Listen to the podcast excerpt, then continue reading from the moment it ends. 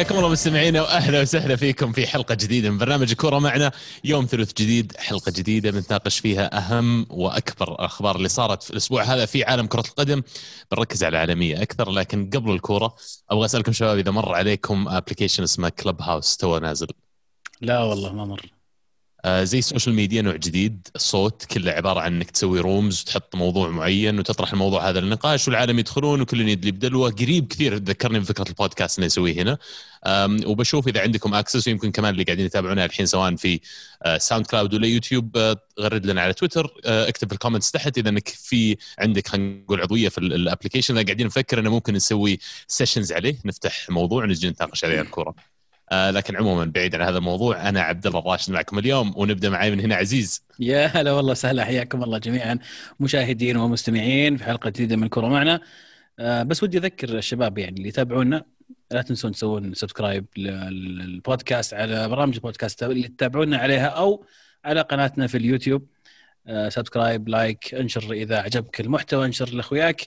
آه، أي آه، مساعدة منكم تفيدنا. معنا كمان أبو داحم. يا هلا والله وسهلا أبو عابد أهلا وسهلا عزيز. أسبوع جديد وأحداث جديد ودراهم واجد. موضوع حساس يبدو لي واضح بنبدا في وش؟ واضح. استهبل دخلنا على طول في المعمعة في ال- ال- الغويط زي ما يقولون وخلونا نبدأ جاب طاري ما دام جاب طاريه في إسبانيا أكبر وأبرز شيء حصل الأسبوع هذا إنه تسربت تفاصيل عقد ليونيل ميسي في الصحافة الأسبانية وتحديدا صحيفة واحدة هي الموندو الظاهر إذا ما كنت موندو غلطان. ديبورتيفو yes الموندو نشرت ال- التفاصيل الدقيقة لعقد ليونيل ميسي على مدى الأربع سنوات الماضية اللي بدأ في 2017 إلى اليوم. حطوا فيه كل التفاصيل المالية. العقد قبل ما نبدأ نتكلم ترى يا شباب مخيف جدا للي ما شاف التفاصيل حقته. واللي مثير للدهشة بشكل أكبر أنا بالنسبة لي على الأقل ردة فعل آه، إدارة برشلونة والمسؤولين في برشلونة الموضوع هذا. ما طلع ولا شخص واحد منهم وأنكر أن هذا العقد ولا أنكر أن ال- العقد اللي بينهم وبين ميسي مثلا آه، قائم على هذه الأشياء عشان خلينا نقول أشياء performance based اللي هي على حسب الأداء حق ميسي ترتفع ولا تنزل. آه، لكن لا طلع العقد 555 مليون يورو على مدى أربع سنوات. آه، عقد فلكي يقال إنه من ضمن العقد 78 مليون. هذه loyalty payment وهذه يسمونها loyalty payment لما ينهي اللاعب عقده مع الفريق يتم دفع المبلغ هذا له. بالإضافة إلى حول 100 مليون أو 120 مليون مقدم عقد بس توقيع كذا مقدم فأرقام استهبال أنا وإحنا نسولف الحين بطلع ال- ال- الأرقام حقت برشلونة من ناحية مالية وقوائمهم المالية عشان بس نقارن ونشوف انه كم يبغى لهم برشلونة أو من وين قاعدين يجيبون فلوس عشان يدفعون الراتب هذا بالطريقة اللي قاعدين يسوونها فشباب أول شيء إيش رأيكم على رد فعل برشلونة لل- للتسريب هذا؟ طبعا أول أول رد سمعناه آه إنه راح يتم مقاضاة من نشر هذا الأخبار. ما تم نفيه لكن تم آه إعلان إنه راح يتم مقاضاة أو محاسبة من من سرب هذه الأخبار. ونفس الشيء يقال أيضا إن ميسي مع وكلاء أو المحامي الخاص بميسي راح يرفعون قضية على برشلونة وعلى إدارة برشلونة اللي سربت هذه المعلومات. يعني الرقم كبير صحيح بس كنا قبل الحلقة أنا وأبو داحم نسولف شوي. يا أخي أنا ما أحس إنه يعني أحس الموضوع أخذ أكبر من من حجمه شوي. آه لما تقسم ال 555 على أربع سنوات هي كم؟ أربع سنوات ولا خمس سنوات؟ أربع سنوات. أربعة. اي. تتكلم اي تتكلم عن يعني وتشيل منها توقيع ال- ال- البداية اللي هو ال signing bonus اللي أول شيء مبلغ تستلمه وتشيل منها حقة المكافأة لإكمال العقد.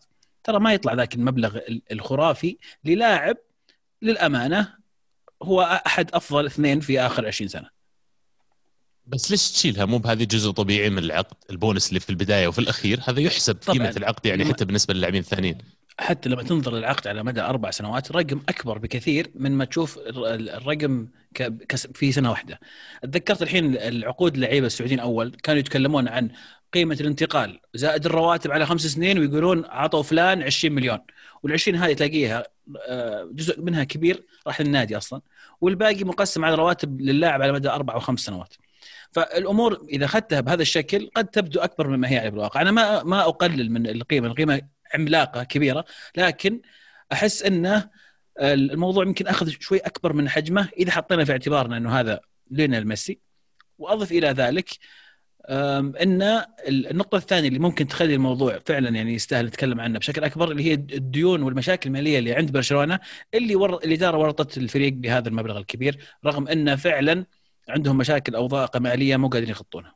أنت ذكرت نقطة مرة مهمة وأبغى أسمع رأي عبد الرحمن عليها، قلت إن ليو ميسي واحد من أفضل اثنين في آخر 20 سنة، فمعناته أنت حطيته في category بطريقة مباشرة مع خلينا نقول كريستيانو رونالدو من ناحية إن اللاعب المؤثر اللي في أي فريق راح يلعب فيه غالبا راح يكون أعلى لاعب راتب وحتى يمكن في أي دوري يلعب فيه. فلما أنا أجي أقارن عقد كريستيانو رونالدو لا مع مدريد ولا حتى مع يوفي من بعده ما يقترب على حد علمي على الأقل من الأرقام اللي قاعدين نشوفها الحين في العقد هذا، العقد لو لو فعلا زي ما قلت يا عزيز حذفنا منه الأشياء البونس اللي في البداية والبونس في الأخير مع اني ضد المبدأ هذا يطلع عقده بشكل سنوي قريب من 100 مليون يورو في السنة، فيعني ما زال المبلغ هبال مقارنة إذا فعلا رونالدو كان يتقاضى حول 30 مليون يورو. طبعا رونالدو بس للتوضيح رونالدو 30 هذا بعد ما تشيل من الضرائب لكن المسجل كرواتب لرونالدو 60 مليون. يروح منها النص إدارة اليوفي أو بشكل عام في إيطاليا لما يعطون أحد راتب يحطون في بالهم إنه في ضريبة على هذا الراتب فيقول رونالدو خلاص راتبك 60 مليون وإحنا عارفين إن 30 منه بتروح كضريبة يبقى لك 30 فيسجل ك 60 فأنا ما أدري الأرقام ميسي هل هي مع الضرائب ولا بدون. شكلها مع الضرائب هذا الأرقام. اللي قريته إنه بدون آه، هذا الصافي 555 لا لا لا مع الضرائب sorry. اي مع يعني الضرائب. okay إيه، مو بصافي. يعني بينخصم منها الضرائب آه، وفي إسبانيا قريب من اللي قلت عنه عزيز في إيطاليا حول 50% الضرائب عندهم هناك وفي على حسب الكاتيجوري كمان كل ما ارتفع كان عندهم البكم لو يسمونه.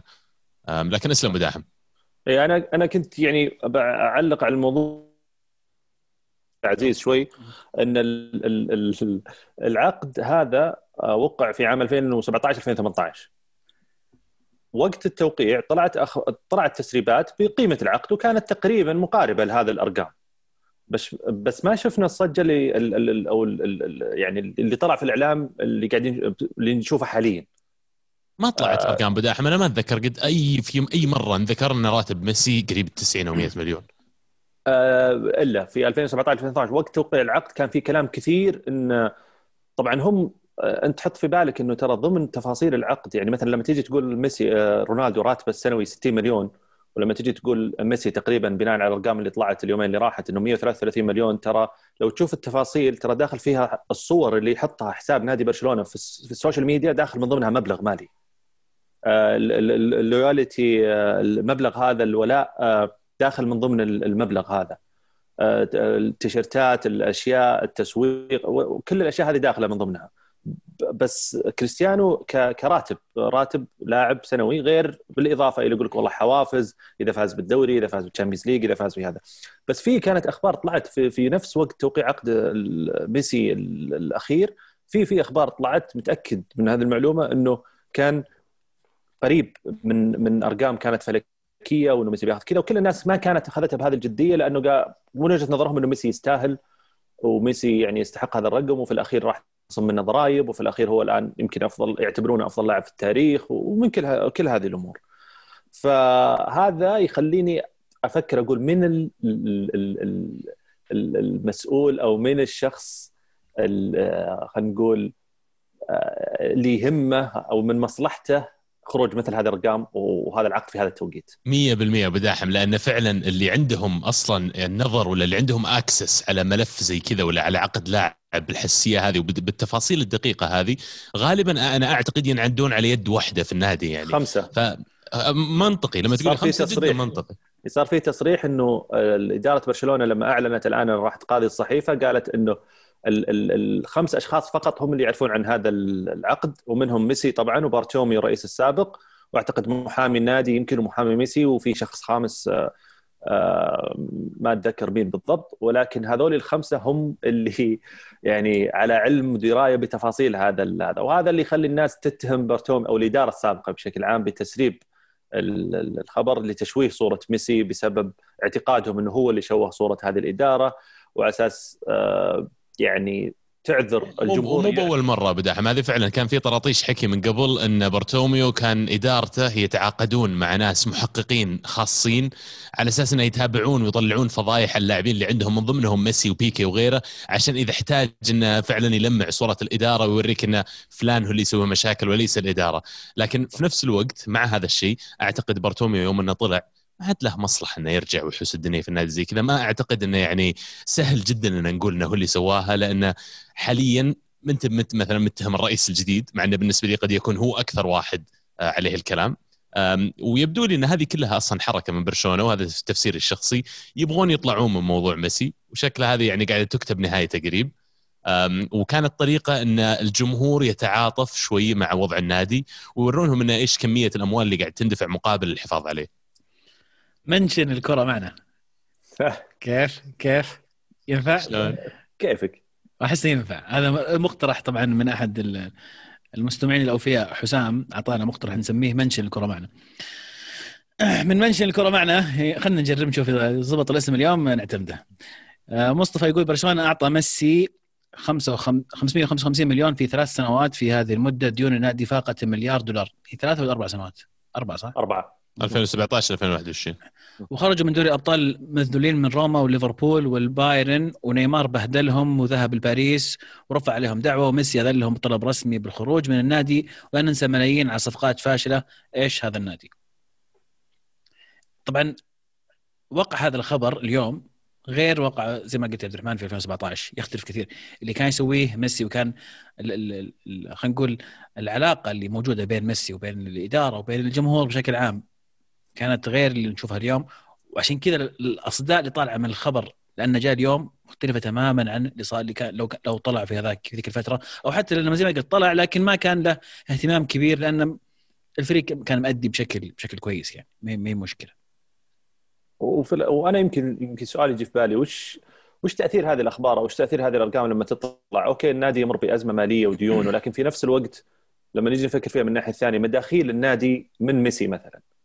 بيع بيع التيشيرتات آه، التذاكر الصور اللي تنحط ال post كل هذه الأمور. هل لما نقارنها مع مع اللي يندفع الميسي بيطلع الصافي مثلا أقل بكثير من ما إحنا نتوقع؟ لأنه في الأخير ميسي هو ميسي. يعني يعني آه، ممكن يحاول يوازن هذا هذا الدخل أو أو يحسن من هذا. لكن برشلونة أصلا عنده يعني متورط بصفقات ثانية. يعني كوتينهو وديمبيلي 120 مليون وهذا 100 مليون يعني كله أرقام فلكية. وإحنا نسولف يا عيال أنا طلعت الأرقام حقت برشلونة من ناحية آه، الإيرادات حقتهم على مدى الأربع أو خمس سنوات الماضية، طبعا هذا الكلام إيراد مجمل كلي فهذا كل ال total الفلوس اللي يدخل النادي ما بعد خصمنا منها ولا شيء من التكاليف، فأنت تتكلم على مدى السنوات ما بين 2014 ل 2017 ال average بين 600 و 700 مليون في السنة، هذا مره ثانية ال revenue الكلي، السنة 17 18 ارتفع ل 900 والسنة اللي بعدها 990 لكن في سنة كوفيد السنة الماضية 855 مليون. الفكرة إنك تجي تقول لي في لاعب واحد من خلال فترة الأربع سنوات الماضية اللي هي المجموع حقها يجي له يمكن 3 مليار 3 و200 مليار 3 مليار و200 مليون في لاعب واحد ياخذ 550 مليون منها. هذا أنا مرة ثانية ما بعد خصمت لا تكاليف النادي ولا رواتب اللاعبين ولا الانتقالات ولا صيانة الملاعب ولا ولا ولا شيء. فيعني يرجع الموضوع إلى أن اللي قاعدين نقوله من البداية أنه ما كان منطقي لبرشلونة انه يتمسكون بميسي على مدى الصيف الماضي تحديدا. أنا ما راح أقسو على قبل لكن لما يجيك فترة معينة في عمر النادي وبديت تحس أن التكاليف بدأت تصير أكبر من المعقول بالنسبة لك المفروض أنك تاخذ القرار الشجاع يا أخي وما تاخذ فيه عاطفة. علمهم يا أبو داحم إيش سويت في كريستيانو أسلم. وديناه اليوفي أصدقائنا في اليوفي ما أخذوا ما أخذوا الشامبيونز سنتين وكذا فقلنا يلا يمكن يساعد ولا ولا راح ياخذون ال ما عرفوا يستفيدون منه. أرسلوا لهم زيدان وراه يمكن يضبط الدنيا. راموس وزيدان والبنز. والامور سليمة. شغل عدل. كومن طبعا كمان طلع تكلم مدرب برشلونة وقال إن الشخص اللي سرب المعلومة هذه ما فيها كلام المفروض ما له مستقبل مع النادي سواء هو إداري ولا لاعب ولا غيره. المفروض هذا هذا الشخص خلاص عليه X كبير زي ما يقولون.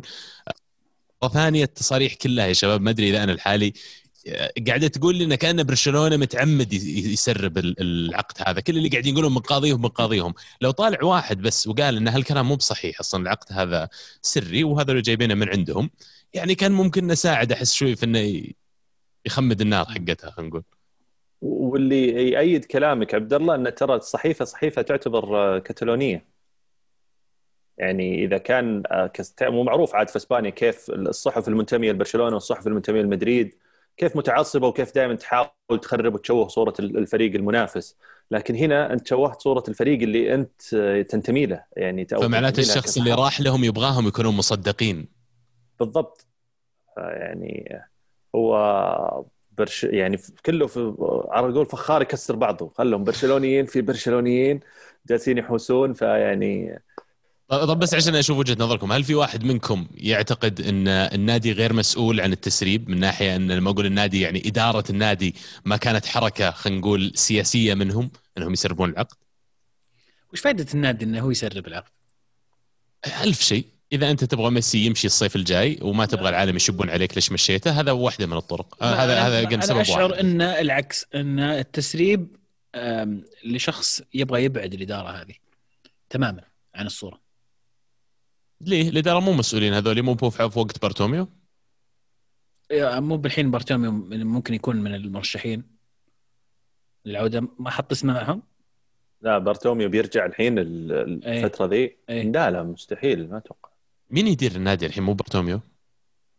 لا لا بارتوميو مو هو طلع إيه. طلعوه إيه؟ يعني يعني زي اللي طردوه اي ذكرت يوم سوى طردوه هو ولا ولا ديسمبر مو باستقال قال ما كان استقالة. ظاهر عشيتها جمعوا الأصوات اللازمة وقام هو استقال. ذكرت السالفة لكن في الأخير لما تجي تقول لي عزيز الإدارة الإدارة استقالت يا جماعة الشخص الموجود اليوم جديد ولو كان نائب. ما أدري أنا ما أتفق معك ما أشوف بس ما أشوف في سبب اللي يخلي يعني أحد يحارب ميسي الآن. ما في أحد يحب برشلونة أو يبغى يشتغل في برشلونة أو يبغى ينجح برشلونة ويحارب ميسي. أحس إنه يعني يا أخي مو منطقي إنك تحارب لاعب زي ميسي. قاعد ياخذ مرة ثانية قلنا قاعد ياخذ 550 مليون منك على مدى أربع سنوات في ناس يعتقدون إنه بس العقد بينتهي العقد بينتهي بينتهي خلاص. العقد سنوي مو بينتهي العقد سنوي إذا جاء في تاريخ معين وميسي ما قال أبغى أمشي يتجدد سنة إضافية قد ما ميسي يبغى يجلس. بس السنة هذه خلاص. لأن ميسي قال الصيف الماضي بمشي فكلني يتوقع إنه يقول بمشي مرة ثانية. يعني ممكن يكون أنا ما أنا ما أستبعد يعني ممكن. إيه أسلم. أنا ما أستبعد الاتهام من اثنين يعني هو أتوقع هو أقرب شيء. أنا قلت إدارة بارتوميو أو أحد أعضائها آه، زعل آه، تشويه صورة لميسي بحكم يعني حتى إحنا ما ندري عن اللي صاير بين بارتوميو وإدارة بارتوميو وميسي لأن التصريحات اللي كانت تطلع وقتها ومقابلة ميسي اللي طلع فيها وقال يعني أنا تمت خيانتي آه، من من بارتوميو ومن هذا الكلام. كل هذه الأمور ترى يعني تخلي اصابع الاتهام خلينا نقول تروح لبارتوميو وإدارة بارتوميو وممكن مثل ما قال عزيز بعد الفترة هذه اللي يجي فيها رئيس جديد ممكن الفترة اللي بعدها يجي بارتوميو بأفكار جديدة ببناء فريق آه، بدون ميسي. فهذا شيء مختلف. في كلام ثاني وأخبار ثانية طلعت إنه واحد من المرشحين للرئاسة آه، اللي هو أقرب إنه يمسك آه، حرص على تسريب العقد على أساس يجي ويحاول يبني أفكاره ويحاول يبني الفريق على عدم وجود ميسي والناس ما تلومه إنه ما جدد الميسي أو خلى ميسي يطلع ومن هذا إيه. بس بداحم لحظة حتى لو كانت هذه الحالة صح معناته إن هذا الشخص عنده شخص داخل النادي سرب له مكنونات أو مكونات العقد نفسه. فيعني مرة ثانية الايشو ما تغير إن العقد تسرب بطريقة من شخص داخل النادي. صح. في الأخير هو يعني يا عيال أنا أنا بس بقول شيء غالبا يعني مين اللي خلينا ناخذها يا شيخ شركة عادية مين اللي يعرف رواتب الموظفين ال HR وبعدين المالية اللي قاعد يمشي هذا الراتب وغالبا نحط واحد ولا اثنين في كل جهة فهذول أربعة. والخامس إذا إحنا ما نحسب اللاعب نفسه ولا الموظف نفسه هو رئيس النادي أنا اللي أعتقد وفريقه طبعا. عبد الله يعني ما تتكلم ما تتكلم عن راتب ما تتكلم عن راتب نتكلم عن أنا عارف عقد فبمشي معك إيه؟ أنا ما أعتقد إن أحد من اللي بدينا فيهم الاثنين اللي هو أنا بعتبرهم شوي على الجانب ال junior أكثر اللي هم لا شؤون الموظفين ولا المالية نقول راح يكون عندهم لا الجرأة ولا حتى يمكن الاكسس على عقد كامل بالتفاصيل هذه. فمعناه معناته هذا كله مرة ثانية يقول لي الشخص اللي سربه غالبا إذا ما كان الرئيس فهو مرة قريب من الرئيس يعني. وغالبا بإعاز من الرئيس نفسه. وارد. ما عندكم شيء تبون تضيفون عليه؟ لا صراحة. أنا أنا بس يمكن النظرية الأخيرة هي الأقرب إن الرئيس الجديد يبغى يبغى يكون في خلينا نقول يبغى يفتح صفحة جديدة ما عليه ديون ما عليه أو التزامات كبيرة مالية. بدون ما ياخذ هو الضغط إنه هو اللي دفع ميسي للخروج يمكن بالطريقة هذه خلاص يعني قفل الموضوع على إكمال ميسي مع مع برشلونة.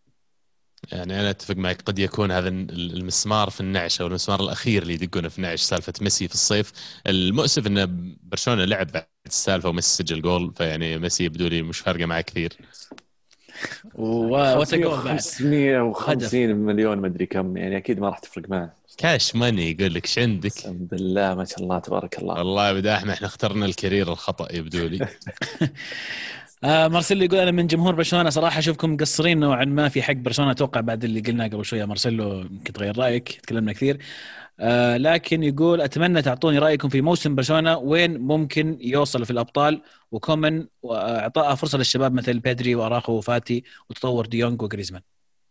طيب بس بطريقة السؤال بطريقة ثانية هل برشلونة أفضل ولا اسوء من العام الماضي؟ وما أتكلم لك بس نتائج أتكلم لك كفريق اليوم لما تتخيل نفس هنا أرجع لسؤاله لما تتخيل بفريق برشلونة هذا يدخل في دور الإقصاء ولا خروج مغلوب في الشامبيونز ليج هل تتوقع الفريق راح يكون أقوى ولا أضعف من السنة الماضية؟ عبد الرحمن يعني ما أدري أحس إن السنة السنة الماضية مع مدرب مختلف ك ك كعناصر أفضل من السنة هذه يعني شخصيا أحس السنة هذه آه، إضافة بدري و... وروح الشباب وبعض اللاعبين الشباب يمكن وذا آه، غيرت شوي من برشلونة لكن أحسهم متقاربين ما أحس في ذاك الفرق يعني.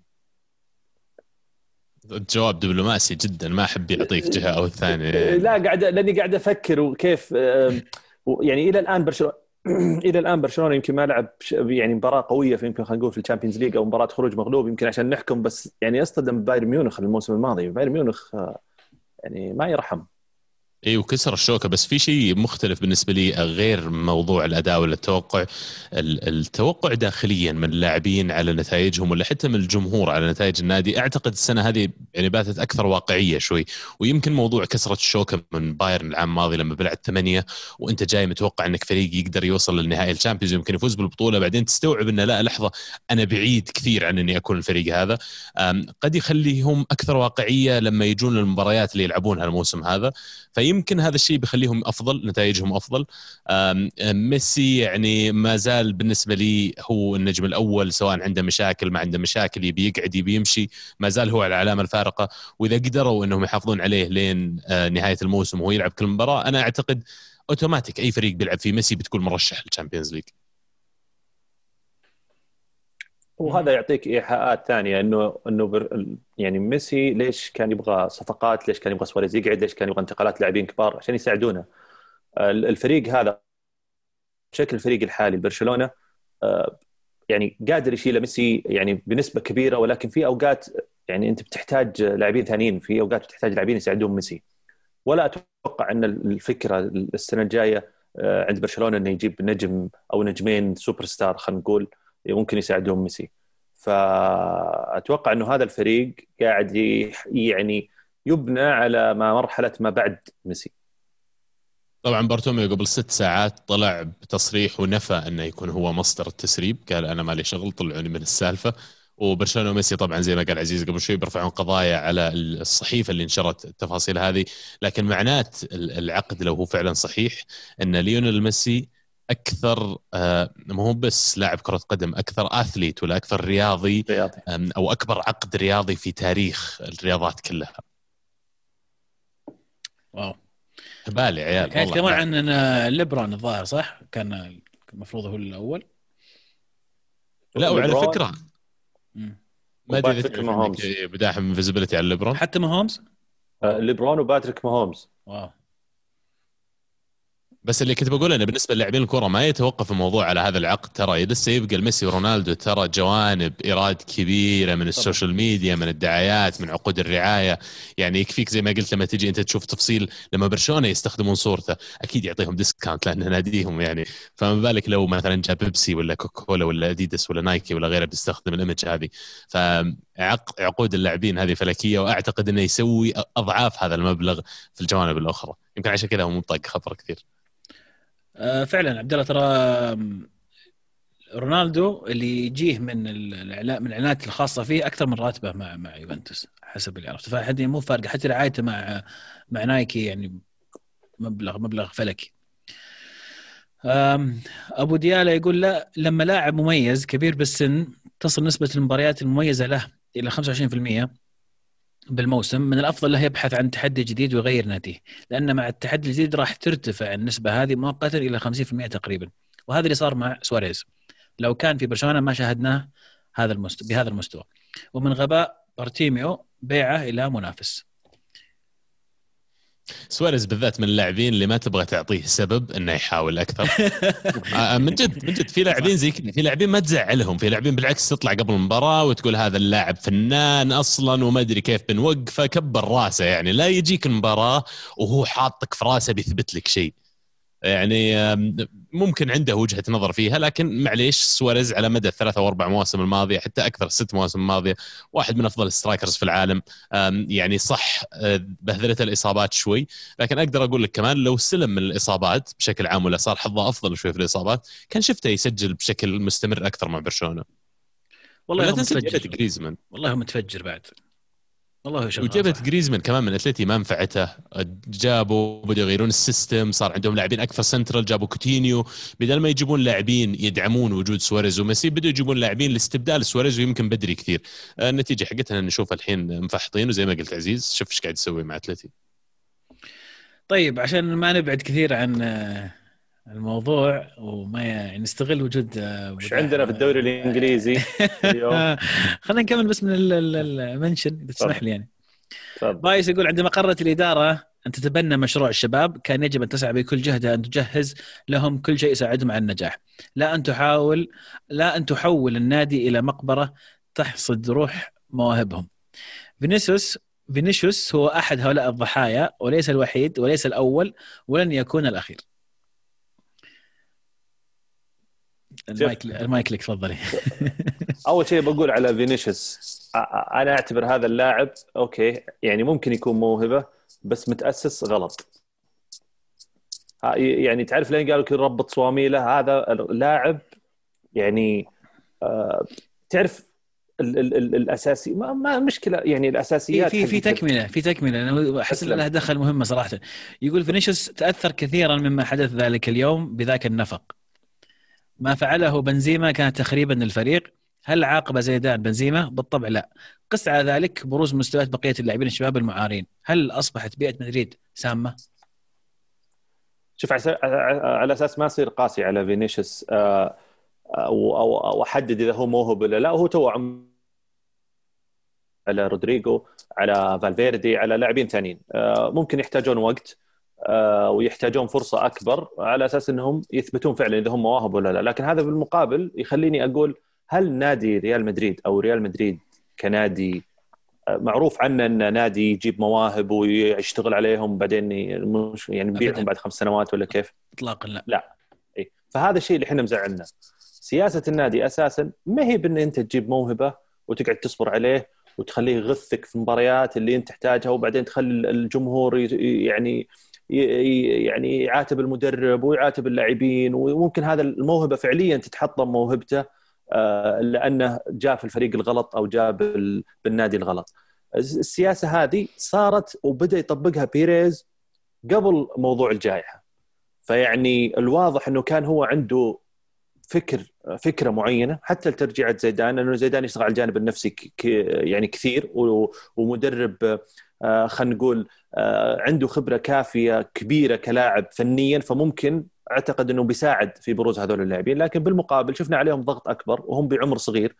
آه، جبت الد... ريال مدريد جاب الدوري الموسم الماضي يعني خلينا نقول آه، عملها كأنها معاملة خروج مغلوب. آه، بعد الجائحة والمباريات كانت آه، يعني آه، ورا بعض والفريق كان أغلبه جاهز وبدون إصابات وكان الإعداد النفسي ممتاز. وساعد على أن أنت تحقق الدوري في ظل هبوط مستوى برشلونة وليفربول. لكن قل لي اسلم. إي بس ما أعتقد واقعي إنك تقول المفروض إنه ما يجيبون اللاعبين هم صغار لأنه بينضغطون وكذا ما راح يلعبون لأنه مو منطقي إن النادي حقك يجيب مثلا لاعبين بس أعمارهم 27 و28 والناس جاهزين يلعبون اليوم. في بالانس أنت تسويه مو بس ما بين الخبرة وما بين الشباب في بالانس تسويه حتى في الإيرادات. فأنت يعني خلال السنوات القريبة الماضية وقاعد أحاول أتذكر بعض الأسماء يحضرني منها هيغوين مثلا. هيغوين لاعب جبته وهو صغير قراي منهم. مو على كل حال إنه كمل مع الفريق لين نهاية مسيرته ولا لين ما وصل أوج عطائه لكن أنت بس جلوسه معك ثلاث أربع مواسم تحط عليه ختم مدريد يرتفع سعره على طول 25 30 40 مليون. فأنت بالنسبة لك عشان تكمل على system الجلاكتيكوس وتقدر كل ما طلع واحد زي رونالدو جديد ولا ميسي تقدر تروح تشتريه من السوق لأنك أنت قاعد تسوي الموديل هذا. فيعني هنا يمكن ترى فلسفة آه، بيريز في جيبه فينيسيوس وغيره. هو كانت في الفترة هذيك الفريق نفسه كان ثقيل عناصريا في جميع المراكز. فلما أنا أضيف عليهم لاعبين ثلاثة شباب بالعكس آه، شيء ممتاز.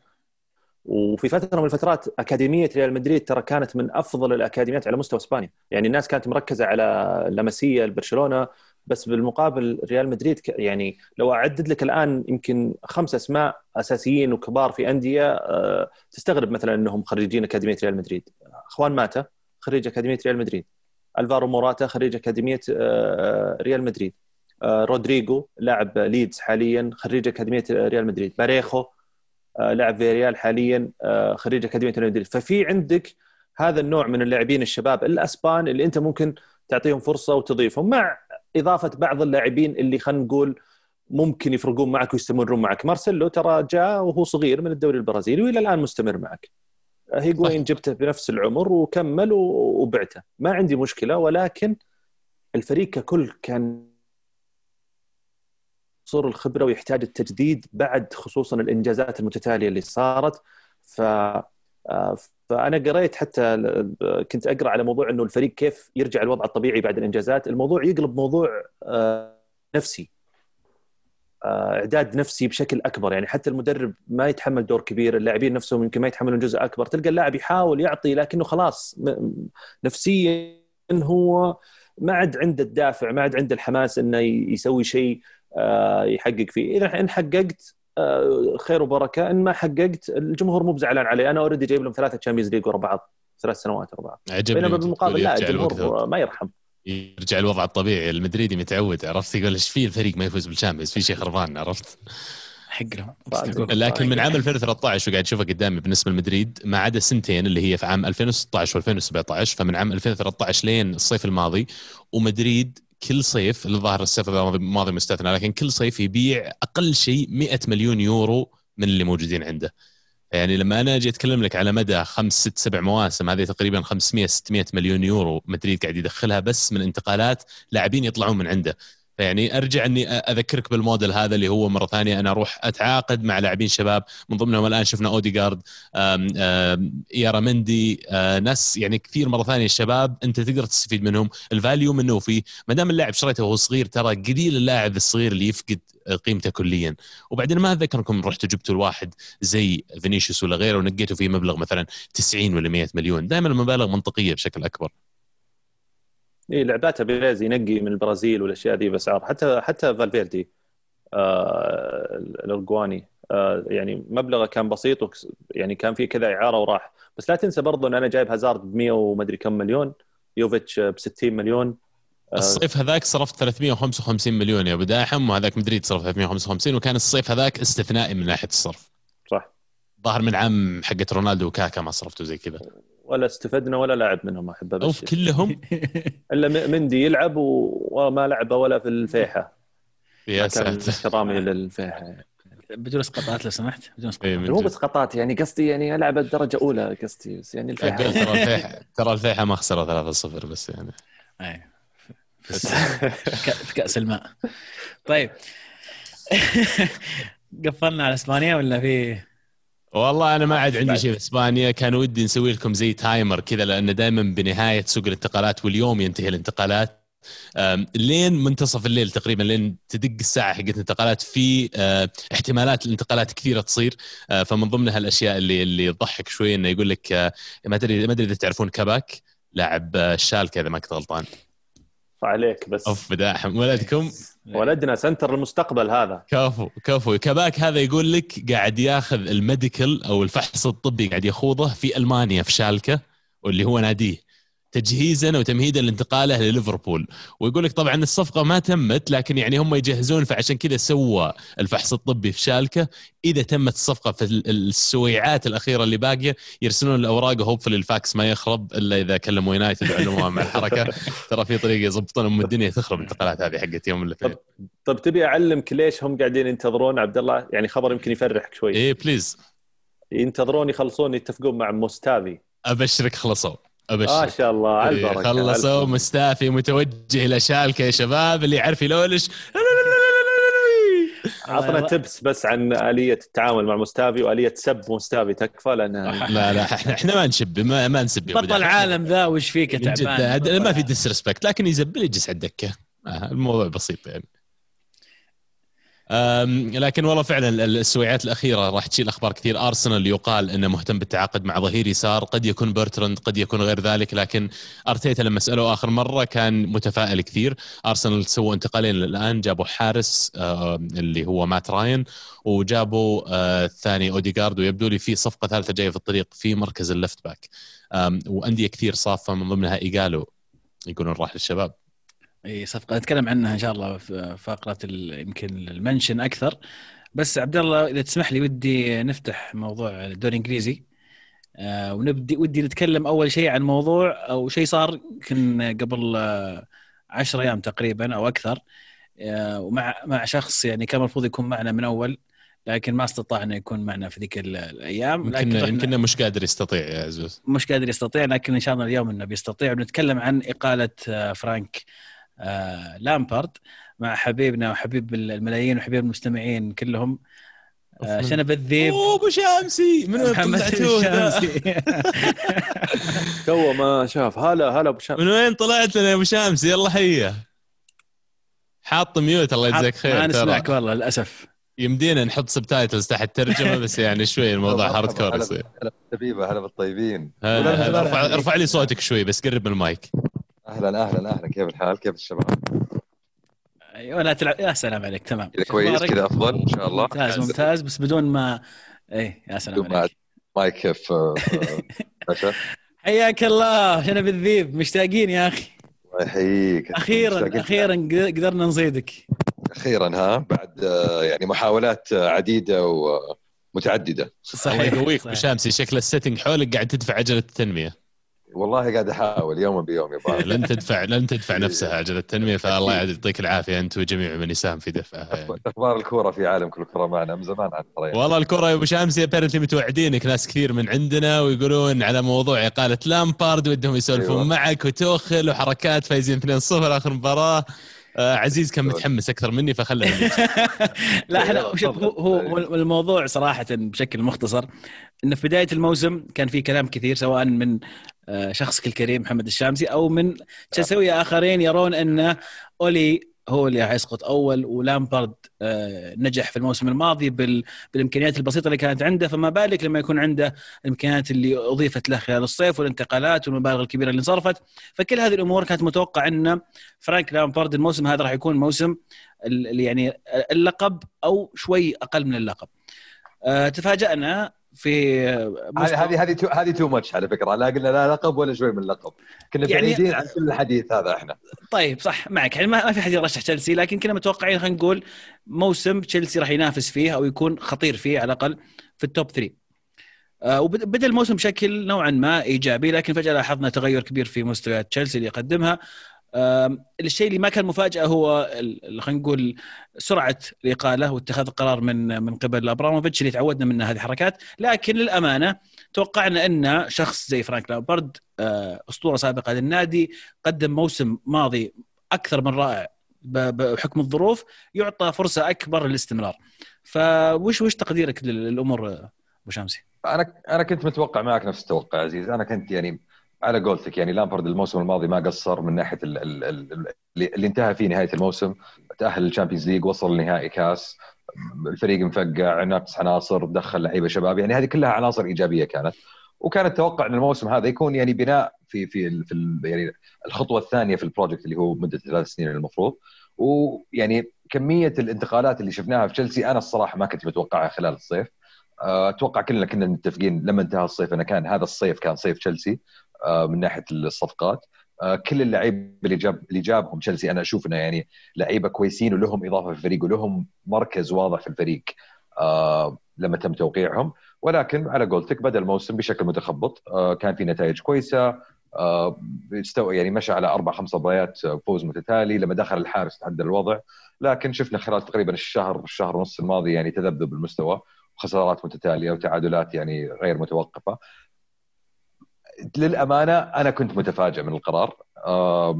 يعني كنت أسمع الذبذبات يعني في الإعلام قبل القرار بيوم يومين وما كنت مصدق لأن يعني أنا كنت أشوف إن لامبرد حكمته غير حكم أي آه، مدرب آخر. بحكم علاقته مع النادي بحكم علاقته الكويسة مع الإدارة بحكم إنه هو يعني ال project كان جزء كبير منه مبني على إنه لامبرد يبغى يبدأ يبغى يلعب بطريقة لعب. مختلفة جدا عن اللي كان متعود عليها. تشيلسي 4 3 3 very proactive very action oriented فتوقعت إنه يعطى الوقت.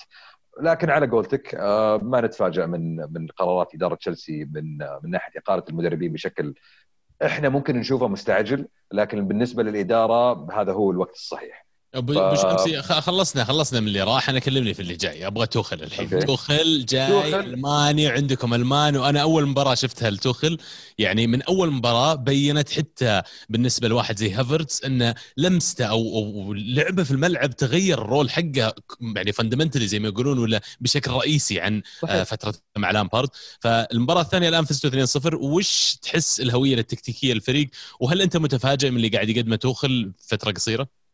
أه شوف يعني كل أمانة يعني أنا المباراة الأولى شفت جزء يعني شفت نصها يمكن الشوط الثاني والمباراة الثانية ما شفتها ابدا يعني فما أقدر أحكم على اللي شفتها لكن من يعني قراءتي لل يعني ال reports بعد المباريات إنه قاعد يقدم يعني أول شيء أنا الشيء الإيجابي اللي كنت أشوفه لتوخل على الأقل إنه بيدخل وبيشوف ال squad اللي عند ال 25 لاعب هذه بنظرة جديدة.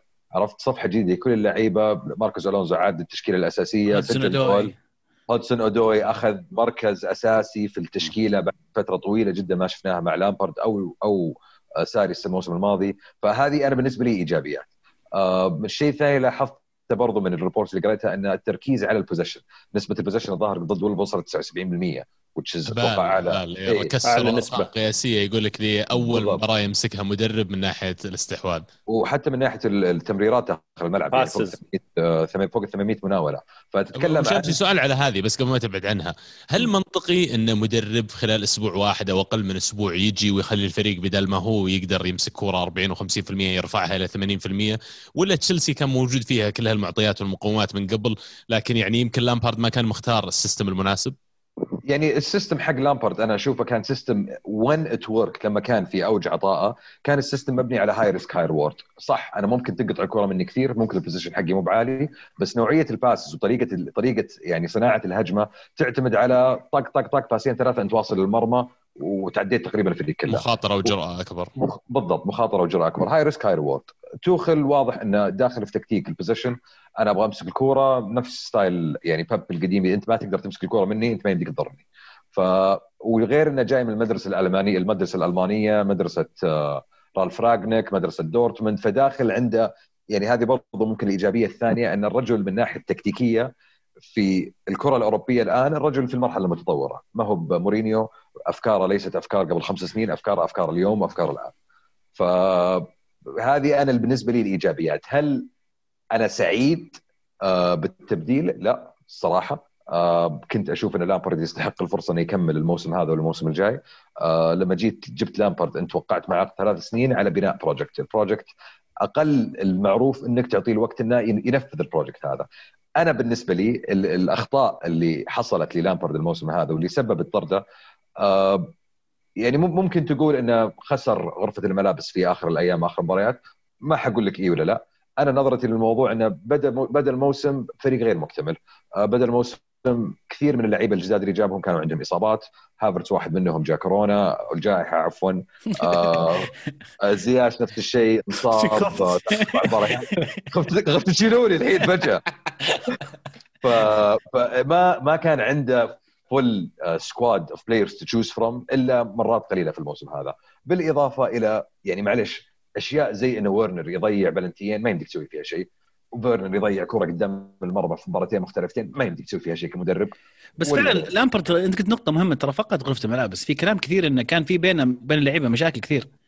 هذا اللي سمعته يعني أنا بقول لك ما ما غصت في الموضوع يعني دخلت فيه. وغير كذا قال لك انه كان في اختلافات مع الإدارة بالأصح مع مارينا اللي هي ماسكة ماسكة النادي يعني على عن طرف آه، إبراموفيتش. آه، اختلافات من ناحية ما أدري هل هي كانت النتائج أو هل التكتيك أو اختيار لعيبة معينين آه، على حساب لعيبة آخرين. آه، ولكن يعني حصل اللي حصل في نهاية اليوم. وصلنا المطاف هذا اللي إحنا فيه اليوم. يعني إحنا كجمهور ما ردة الفعل تجاه توخل ليست سلبية. آه، قد ما هي يعني معلش إنت جايبه من وراء لامبرد. يعني you're gonna have to prove yourself لامبرد دخلته عندي كمدرب. يعني جزء كبير منها كانت تستند على مكانته كلاعب ما نخ... ما ما, ما نلعب على بعض. هل لو ولكن- جردنا هذا المشا هذه ال- ال- ال- ال- الرابط العاطفي اللي عند تشيلساوي مع لامبرت كونه أسطورة النادي هل لو جردنا هذا الشيء؟ تقدر تقول والله أتفهم الآن بشكل أكبر ليش تم اقاله لامبرت أنا أشوف الصراحة شيل شيل النسبة العاطفية منها تجيب لي مدرب ثاني أول سنة ثاني سنة له يدرب في حياته. أوكي.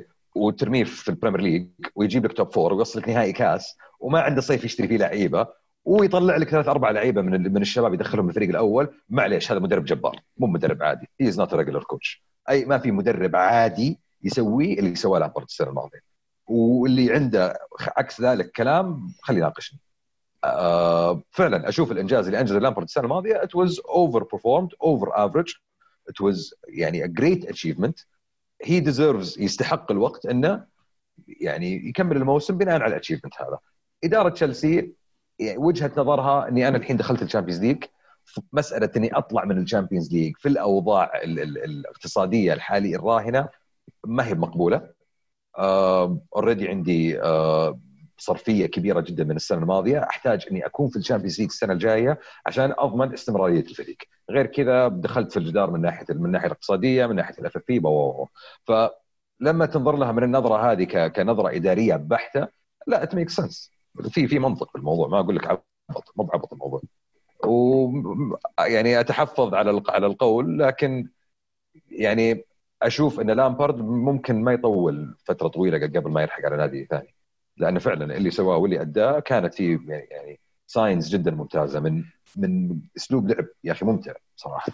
الأسبوع الماضي ألمو قال آه، وده يشوف لامبرت يدرب آه، سلتك وين ترشح آه، لامبرت وين تشوفه ممكن يدرب؟ يعني ما ودي الصراحة يروح اسكتلندا مع كامل الاحترام للدوري الاسكتلندي بس يبقى دوري صغير. أنا فاهم لامب...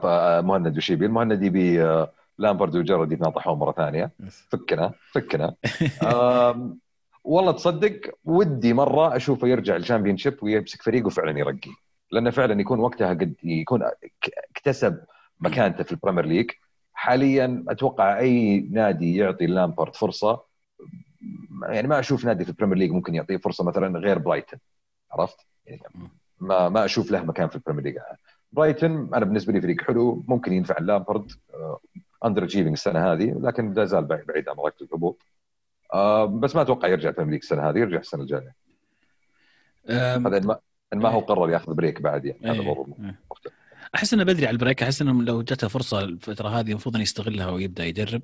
لأن تو يعني ما ما درب فترة طويلة ولا هو يعني كبير يحتاج يريح. تو في بداية مشواره فبالعكس. أنا أشوف انها ممكن تكون يعني إلى حد ما صدمة عاطفية تبي الصدق. يعني انه فعلا من جد كرشوني من جدهم كرشوني لا لا يعني أنا أحط نفسي في مكانه أكيد يعني الموضوع بينزعج منه. بس يعني لما لما تدرب تشيلسي حتى لو أنت لامبارد لازم تكون مستعد للإقالة في أي لحظة. بس واضح واضح إن حتى التوقع من لامبارد كان مختلف شوي لأن التصريحات يعني إبراموفيتش تحديدا من فترة متابعتي على الأقل ال Premier League ما أتذكر ولا مرة طلع تكلم وصرح على أحد المدربين اللي أقالهم. ما يتكلم عنهم خلاص مدرب انقال انتهى الموضوع أعطونا مات. الصفحة ومشينا إيه خلاص حتى لو 100% رجع في حالة 100%. مورينيو يعني حتى في حالة مورينيو اللي كان قريب كثير ما كان في تصريحات وكلام عليه لكن لامبارد هو المدرب الوحيد اللي طلع أبراموفيتش بعد ما قال وتكلم جمهور تشيلسي كثير اللي حكيت معهم يا أبو شامسي نفس حالتك كانوا مصدومين شوي إنه كانوا يقولون التوجه كان مختلف بتعيين لامبارد فتعيين لامبارد كان معناته إنك أنت مستعد إنك تصير صبور أكثر شوي غير عن غيره من المدربين. على اعتبار أول شيء انه لاعب سابق وأسطورة للنادي وعلى اعتبار كمان انه مدرب شاب ولسه يحتاج وقت. آه وكمان الاعتبار الثالث إنك أنت رحت جبت فريق جديد الصيف الماضي وتوقعت منه يبني لك فريق جديد. فكل هذه الأشياء ساهمت انه يمكن جمهور تشيلسي مصدومين شوي على قرار الإقالة ولو كانت متوقعة من خلينا نقول إدارة مثل إدارة ابراموفيتش أكثر من شوي تبي الصدق عبد الله. يعني يوم يوم المهند يرسلها ذاك اليوم في ال group احسبه يستهبل. أنا يوم أقول له لا تحط مصدر جول أنا صادق جول مصدر زباله بس يوم حطيته احسبه يستهبل فعلا. فأتوقع يعني جزء كبير من اتخاذ القرار هذا بالوقت هذا هو الوضع الراهن هو الجائحة والأوضاع الاقتصادية. لأن معلش آه لامبارد يوم ينكرش كان المستوى الفريق المره الثانية طبعا كان مستوى الفريق في المرحلة هذيك اسوء بكثير من الآن بكثير. كان ال 15 كان راقع صار شهر الظاهر من شهرين ما فاز. الآن أنا أنظر إلى لامبرد. معليش خليك من المباراة الماضية. صح آه، خسارات متتالية صح تعادلات ما لها داعي ولكن فرقك بينك وبين الرابع تتكلم عن ست سبع نقاط. معليش هذه مرة بتجيبها ست سبع نقاط. وكل الفرق اللي فوقك الآن برضو قاعد تخسر نقاط. شفنا يونايتد يخسر ال weekend شفنا توتنهام يا رجال شلون توتنهام ينسقع من برايتون؟ إيش قلت الادب مرحبا ال Premier League أبو شمس اي عرفت؟ اي لا لا. حيث النتائج ما فيها أي منطقية على الإطلاق يعني. أنا أنا فاهم بس المقصد إنه مو إنه ما عاد في أمل مو بإنه خلاص طارت الفرصة منك. لا الفرصة لا زالت موجودة أمامك. لكن العناصر اللي إحنا ممكن ما شفناها الأشياء اللي صارت يعني خلف الكواليس في غرفة الملابس من ناحية فقدان ثقة اللعيبة وبيني وبينك ما تخيل مين اللعيبه اللي ممكن فقد ثقتهم؟ ما أدري. تشيلسي تشيلسي أبو شامسي شيء مو جديد آه، شيء مصطلح يسمونه بالإنجليزي player power ولا قوة اللاعبين. آه، في تشيلسي في تشيلسي أنا بس بقول لك خلال آخر يعني السنوات العديدة اللي أنا أذكرها على الأقل دائما لاعبين تشيلسي أقوياء جدا في موضوع آه، صنع القرار. ولو كانوا هم ما يتخذونه أكيد لكن تأثيرهم عالي جدا لما يجي الرئيس مثلا يعتبر مين راح يعين ولا مين راح يقيل. الموضوع هذا له أشياء إيجابية لكن سلبياته إن مدربين كثير زي لامبارد يصير لما يبي مثلا يعسف أحد من اللاعبين آه، الصلاحيات والقدرة اللي في يده أقل شوي لأنه في أول slump ولا في أول دحدرة في النتائج بالطريقة هذه وهذا أول اختبار حقيقي أنا أعتبره لامبارد وتشيلسي أقيل المدرب. أنا أختلف معك عبد الله. تتكلم ال player power هذه العناصر اللي تتكلم عنها اللي كان عندها القوة هذه كانت في الفريق قبل 12 سنة. قاعد تتكلم عن فريق مورينيو أول ما طلع الفريق اللي شال ال يعني اللي وصل اللعيبة نفسهم وصلوا نفسهم لنهائي ال Champions League في الموسم هذاك. تتكلم عن الآن معليش الفريق ترى كلهم ستة توهم جايين. إي بس لما تشيل المدرب عشان أي... وعشان أقول لك والباقي والباقي. هذا player power وهذا هو أنت تتكلم عن ممكن هو ما يعني هنا هنا نتكلم عن الأشياء اللي خلف الكواليس اللي إحنا ما نعرفها. هل هو كان عنده اختلاف بينه وبين فيرنر أو بين هافرتس مش كانت... مو شرط اختلاف بشامسي لكن ال system حقه ما كان يطلع أفضل ما عند هاللاعبين مثلا. مو ال system you give time عبد الله. هنا النقطة يعني تكلم سولشاير حتى قال لما بعد الإقالة ويعني مرة ثانية الإقالة حصلت إصداء كثير من المدربين من ضمنهم سولشاير اللي قال خلال فترتي مع مانشستر يونايتد مرت علي ثلاث فترات مشابهة للي مر فيها لامبارد هذه وما أقلت فأنا أول شيء أشكر الإدارة على ثقتهم فيني ويعني يوريك أن لما تجي تقيس المقارنة ما بين أكثر من نادي على أسلوب إدارة النادي يوريك أنه فعلا في تشيلسي في تركيز أكبر على نتائج قصيرة الأمد اللاعبين معينين لازم يكونون في أفضل فورمه وفي أفضل system فهذا ال player power اللي اتكلم عنه. يعني مع كامل الاحترام عبد الله لأولي واليونايتد والجمهور اليونايتد ما أقدر آخذ إدارة اليونايتد عدم إقالتهم لأولي كشيء إيجابي لأن أنا بالنسبة لي تعيين أولي كان شيء خاطئ أصلا. وقراراتهم على السنين الماضية يعني يوم ورا يوم ورا يوم تثبت لك على تخبط الإدارة هذه. ليش؟ مش قاعدين ينافسون على الدوري يونايتد الآن أنا قاعد ينافس على الدوري. هل أشوف يونايتد فريق ممكن في possibility realistic إنه يفوز بالدوري؟ لا ما في ما في ليش لا؟ إذا أنت قاعد تنافس على الدوري وقريب صح إن سيتي أقوى لكن أنت يعني في ال mix زي ما يقولون. الآن وقبل قبل شهر ترى كان توتنهام في المكس قبل شهرين كنا إحنا في ال mix. معلومة معلومة عن سولشاير يقول لك لما مسك مولدا كان مولدا له سنين طويلة جدا جدا ما فاز بالدوري وجاء معهم وفاز الظاهر بالدوري والكاس. بعدين طلع من عندهم ودحدر الفريق مرة ثانية دخل في جدران كثيرة رجع لهم. فاز مرة ثانية بالدوري كاس ومن طلع لهم من طلع من عندهم وهم ما فازوا بشيء. فيعني يمكن هذه الأشياء تقول لنا شيء عن أولي. يمكن إحنا كمتابعين ال Premier League نقسوا على أولي نعتبره جاي من دوري مغمور ولا شيء. لكن اليوم حتى أنا من الناس اللي كنت أقول أولي أول واحد راح يقال في ال Premier League قاعد يثبتني خطأ يا أخي. قاعد الفريق حقه قاعد يأدي لاعبين عنده مثل بوجبا حتى قدر يرجعهم للتشكيلة وقدر يرجعهم لل squad. يعني عطى credit شوي يا أخي. شوف أعطيك credit على إنه وصل لل top ال Premier League صح. كان هي maintain مكانه هناك. أنا شخصيا ما أتوقع. كان ممكن يوصل لل top four yes يعني أنا اللي أعطيه credit صراحة على وصول ال top four الموسم الماضي. هذه اللي أعطيه عليها. النتائج اللي اللي قدر يحصلها في آخر شهر من الموسم كامل كامل التحيه كامل التحية. أرفع له القبعة. respect الموسم هذا يعني ولا see see what happens بس أنا اختلافي على الموضوع هذا ليش؟ لأن يعني أعود للنقطة هذه مرة ثانية. لو كان الوضع لو كان اليوم الأوضاع الاقتصادية طبيعية عادية. ما أتوقع كان لامبرد وقال كانت الإدارة أعطته فرصة زي ما أعطت مورينيو فرصة وطولت مع مورينيو قبل ما قرروا إنهم يقيلونه. كان أعطوه شوي little bit more time ولكن right now الوضع حساس جدا. آه، ما عندك مجال إنك تستهبل أو انك تلعب أو إنك تخاطر أو إنك تجازف. تبي شيء يعني يضمن لك. وللأسف الإدارة ما ما آمنت في المشروع إنك تعطيه كمان سنة. بس بقى نعود للأوضاع الاقتصادية. يعني أنا هذا هذا هذا الشيء اللي make sense في مخي الصراحه أبو شامسي معلومه معلومة بس وبعدين بطلب منك تقول رسائل المعلومه بس إن مزلتان أبراموفيتش مالك تشيلسي رومان أبراموفيتش آه، صرف ما يقارب 110 مليون يورو على إقالات مدربين فقط. آه، مبلغ كبير مبلغ فلكي. وبعد هذه أقول لك وش رسالتك لإدارة تشيلسي جمهور تشيلسي ولامبارد؟ أوف وين حطيتني؟ حطيت حسيت إني قاعد ألقي خطبة. لا صدق صدق. يعني إذا أنت يعني حصل لك فرصة إنك تقول كلمة لكل من هذه الثلاث جهات وش بتكون كلمتك لهم؟ شوف صرف 110 مليون ما أدري الصراحة عن عن عن صحية الرقم هذا. بأخذ مضبوط الرقم يا أبو شامس I'll take it as true عبد الله منك. 7 مليون انصرفت على لامبورد آه، من ال 110 مليون. بالمقابل حصل على تقريبا 15 16 بطولة في ال 15 سنة الماضية. حصل على ال Premier League أربع خمس مرات على أكبر البطولات المحلية والبطولات الأوروبية. Cost of doing business يعني. This is cost of doing business. فعلا this is cost of doing business. يعني you have to be ruthless in order to win. The guy is ruthless. He's وش رسالتك لل ruthless آه، اللي ما يرحم؟ اللي ما يرحم يعني أشكرك على إنك طلعت وتكلمت أصلا بعد ما اقلت لامبرد. يعني هذا وراني إنه فعلا بالنسبة لك القرار كان فيه شوية من العاطفة إنك you feel يعني not something you want to do بس you feel obliged to do this. uh, بالنسبة لجمهور تشيلسي يعني لامبرد حبيب القلب دوما ودوما ودائما يبقى حبيب القلب حبيب القلب. uh, اللي سواه الموسم هذا ما يغير ما يقلل من الشيء هذا. وتوخيل is on board فيعني حان الوقت لنساند المدرب. كلام كبير والله تنفع محمد رئيس نادي الشامسي شنب الذيب شكرا لك أنا عارف وقتك ضيق وقعدت الاحق وراك اليوم. لكن أنت تدري وش صاير؟ انت عارف وش صاير؟ شفت ال group إيه, إيه أنا شايف أنا شايف الدنيا. لا لا إن شاء الله الأمور طيبة. الحمد لله. ما في كل العافيه إن شاء الله يا أبو شامسي أنتم بعد ما فيكم الا الصحه والعافية جميعا. أبو شامسي شكرا لك. لا تغيب عنا لأنك أنت قلت مستعد إنك تسمع رأي أي واحد يخالفك فأتوقع الأسبوع القادم راح يكون في آراء تخالفك. فننتظرك الأسبوع القادم أيضا. هل في إضافات أو أسئلة من الهاشتاج؟ أعطيكم أجوبة عليها قبل ما أمشي؟ أول شيء إحنا غيرنا آه. الهاشتاج. ما صار في هاشتاج هذا. أول شيء إحنا صار عندنا صار عندنا mention الكره معنا كلام كبير. ف... أحيي التطور. نعم أحيي. بسرعة نتطور بسرعة. تغيب عنا البيت غير نتيجة دفعك لعجلة التنمية يا أبو شامسي هذا. والله يوما ورا يوم يا أبو عبد. نسعى يوما ورا يوم. حبيبي يعطيك العافية. الله يعافيك.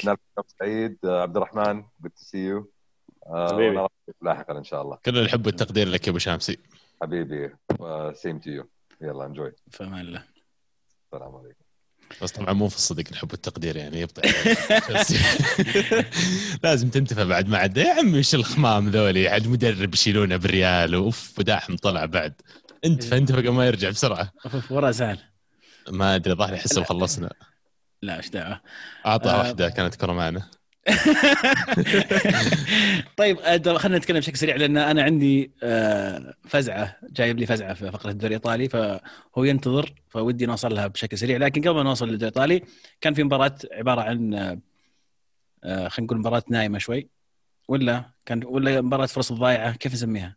مباراة المأخوذ اليونايتد أمام ارسنال مو بالمأخوذ اللي إيه. انتهت 0 0 مباراة يمكن ما كانت يعني بالشكل المطلوب لكن كان في فرص ضايعة كثير.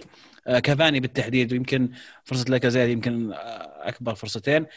أرسنال عانى عانى شوي أرسنال من الغيابات. آه، اوباما يانج عنده مشاكل شخصية خلينا نقول. وأمه تعبانة مساكين. أمه تعبانة. وساكا جته جاء شيء قبل المباراة؟ ساكا مصاب آه اللي كان قبله اوباميانج وساكا هم أبرز الغيابات. كان في لاعب ثالث اسمه آه تيرني. تيرني كان مصاب. آه كان في نقص كبير في صفوف أرسنال ويمكن عشان كذا يعني التعادل أكثر من أي شيء حافظ على أول شيء.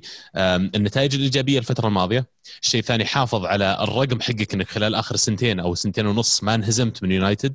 unbeaten في كل المباريات. الشيء الآخر إنك على الرغم من الغيابات هذه وعلى الرغم من إن يونايتد فريق اليوم زي ما تكلمنا قبل شوي قاعد ينافس على الدوري الإنجليزي وموجود في ال top 2 قدر أرسنال إنه يطلع بنقطة من مباراة كبيرة. في ظل الغيابات هذه اللي تكلمنا عنها. صح يونايتد كان أقرب هي مب فرصة حتى فرصتين لكافاني. كافاني مهاجم قناص يعني أعتقد لو انعادت الفرصة هذه قدامه أكثر من مرة ما راح تنتهي بنفس الطريقة اللي خلصت. لكن أداء رجولي يا أخي من لاعبين أرسنال حتى يعني لينو اللي أبغى أتكلم عنه. خلال ال run هذه أو خلال سلسلة المباريات والنتائج آخر ست مباريات لينو كان محوري ومهم جدا في السلسلة هذه. الظاهر ما تلقى مرمانا غير هدفين في ستة أو سبع مباريات ماضية. فال foundation والأساس مضبوط في الفريق. آه، صار الموضوع بس لازم نبني عليه. بيبي بعد ما شارك في مباراة الكاس ولعب كويس سجل جول. شفناه يبدأ من جديد في المباراة هذه. اللي يسويه بيبي في لمحات يسويها يا أخي يذكرني برونالدينيو ونيمار وأشياء يعني جاية من آه، آه، ساو باولو في البرازيل يا شيخ. لكن في نفس الوقت الاستمرارية حقته على نسق معين إنه يقدر يأثر على المباراة إنه يقدر يسجل هدف إنه يقدر يجيب ال assist هذا اللي يبغى له يشتغل عليه. يبدو لي إنه بدأ يرجع للفورمة حقته بالذات في ظل وجود الغيابات صار لازم تعتمد على واحد زيه. وليان مرة هذا يعني أرميه في الزبالة الصراحة حتى اوديجارد كان واضح إنه موجود على الدكة. راح ينزل قبل ما ينزل وليان وهذا لشكل الفريق الفترة الجاية. نقطة كانت إيجابية أنا أعتقد بالنسبة للفريقين يونايتد وأرسنال. يونايتد طلع بانه حصل على النقطه أوي. وأرسنال زي ما قلت لك حقق كل الأهداف اللي تكلمت عنها قبل شوي في مباراة واحدة. وصفر صفر يعني ترى تبني تبني ثقة بالنفس عالية إذا كان فريقك مهزوز دفاعيا؟ أه بكيفك عادي يقول لما قرر أرسنال يعين أرتيتا كمدرب كونه سبق ولعب في النادي ليش ما فكر بهنري خاصة إنه داخل مجال التدريب؟ طبعا بحكم علاقة شخصية بينك وبين آه، تيغي سالتك أتمنى انك تشاركنا بس الأشياء اللي تقدر تصرح فيها. أنا عارف أشياء كثير ما تقدر تصرح فيها عبد الله. لا لا سالته سالته تحت الهواء يعني ويبدو لي إن تيري نفسه كان يعني مرة مرة متحسف وبيموت يبغى الوظيفة يبغى وظيفة أرسنال. لكن في نفس الوقت هو شكله ما كان متصور إيش حجم التحدي لأن الظاهر في نفس الوقت اللي عينه أرتيتا إذا ما كنت غلطان هو تعين مدرب موناكو. فكان ذاك الوقت آه، أو حتى آه، لا أرتيتا actually بعده بشوي. لكن عموما لما راح موناكو يقول إن في تحديات كثيرة أنت كلاعب ولو كنت على ال top level ما تشوفها بالنسبة لوظيفة المدرب يقول أنت في بالك كلاعب المدرب وظيفته كلها في الحياة يحط التكتيك ويقابل هاللاعبين اللي عنده. يقول لأن أنت هذه نظرتك كلاعب نظرتك قاصرة هذا اللي تشوفه من المدرب.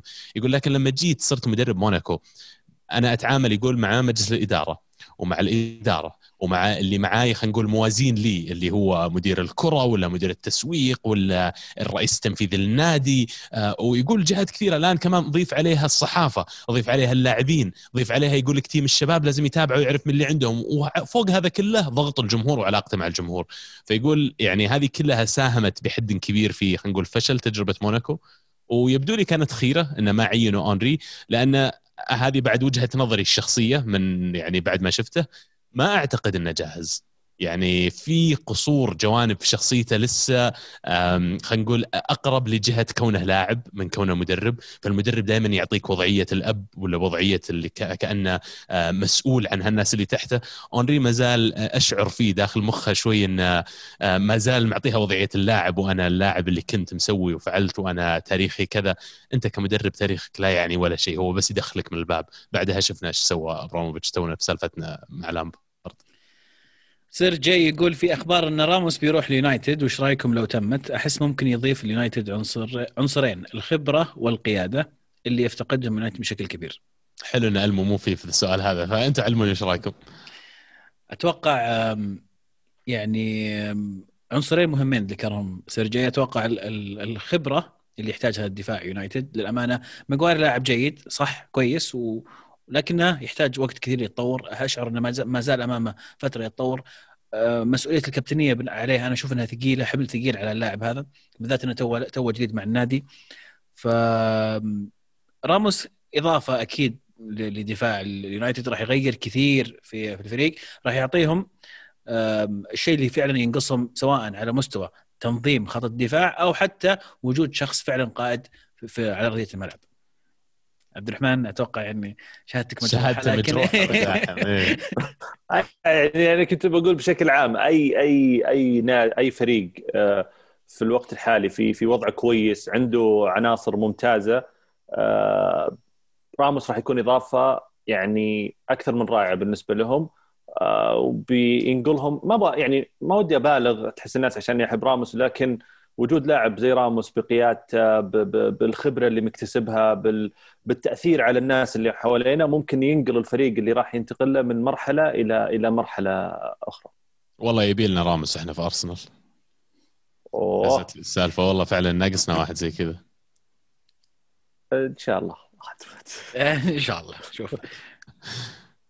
انطر لين يجيك الربيع ها الله طول موضوعه يا رجال خله بس يا رجال شكله وأنا ما أعتقد بينتهي في يونايتد أعتقد راموس بينتهي في باريس أو في نادي يعني والله مستعد إيه. يسوي project كذا طموح فيه عالي جدا وما عنده مشكلة في سالفة الدفع لأن لما يجيني يونايتد ويعرض عليه مثلا 6 7 8 مليون في السنة ويجي باريس يقول امسك 15 صح. مو مقارنة منطقية نيمار بدأ يغازل يقول أنت إذا جيت خلاص بنجيب على الأقل بطولتين أوروبيات وما كان عنده وش. تياغو سيلفا يا عزيز ما ما أكثر من تياغو؟ ترى ما أدري والله بس إنه قام يقول أنت إذا جيت أنا بجدد ومبابي بيجدد وبنفوز بالكؤوس وننبسط. ننبسط. ونصير أصدقاء.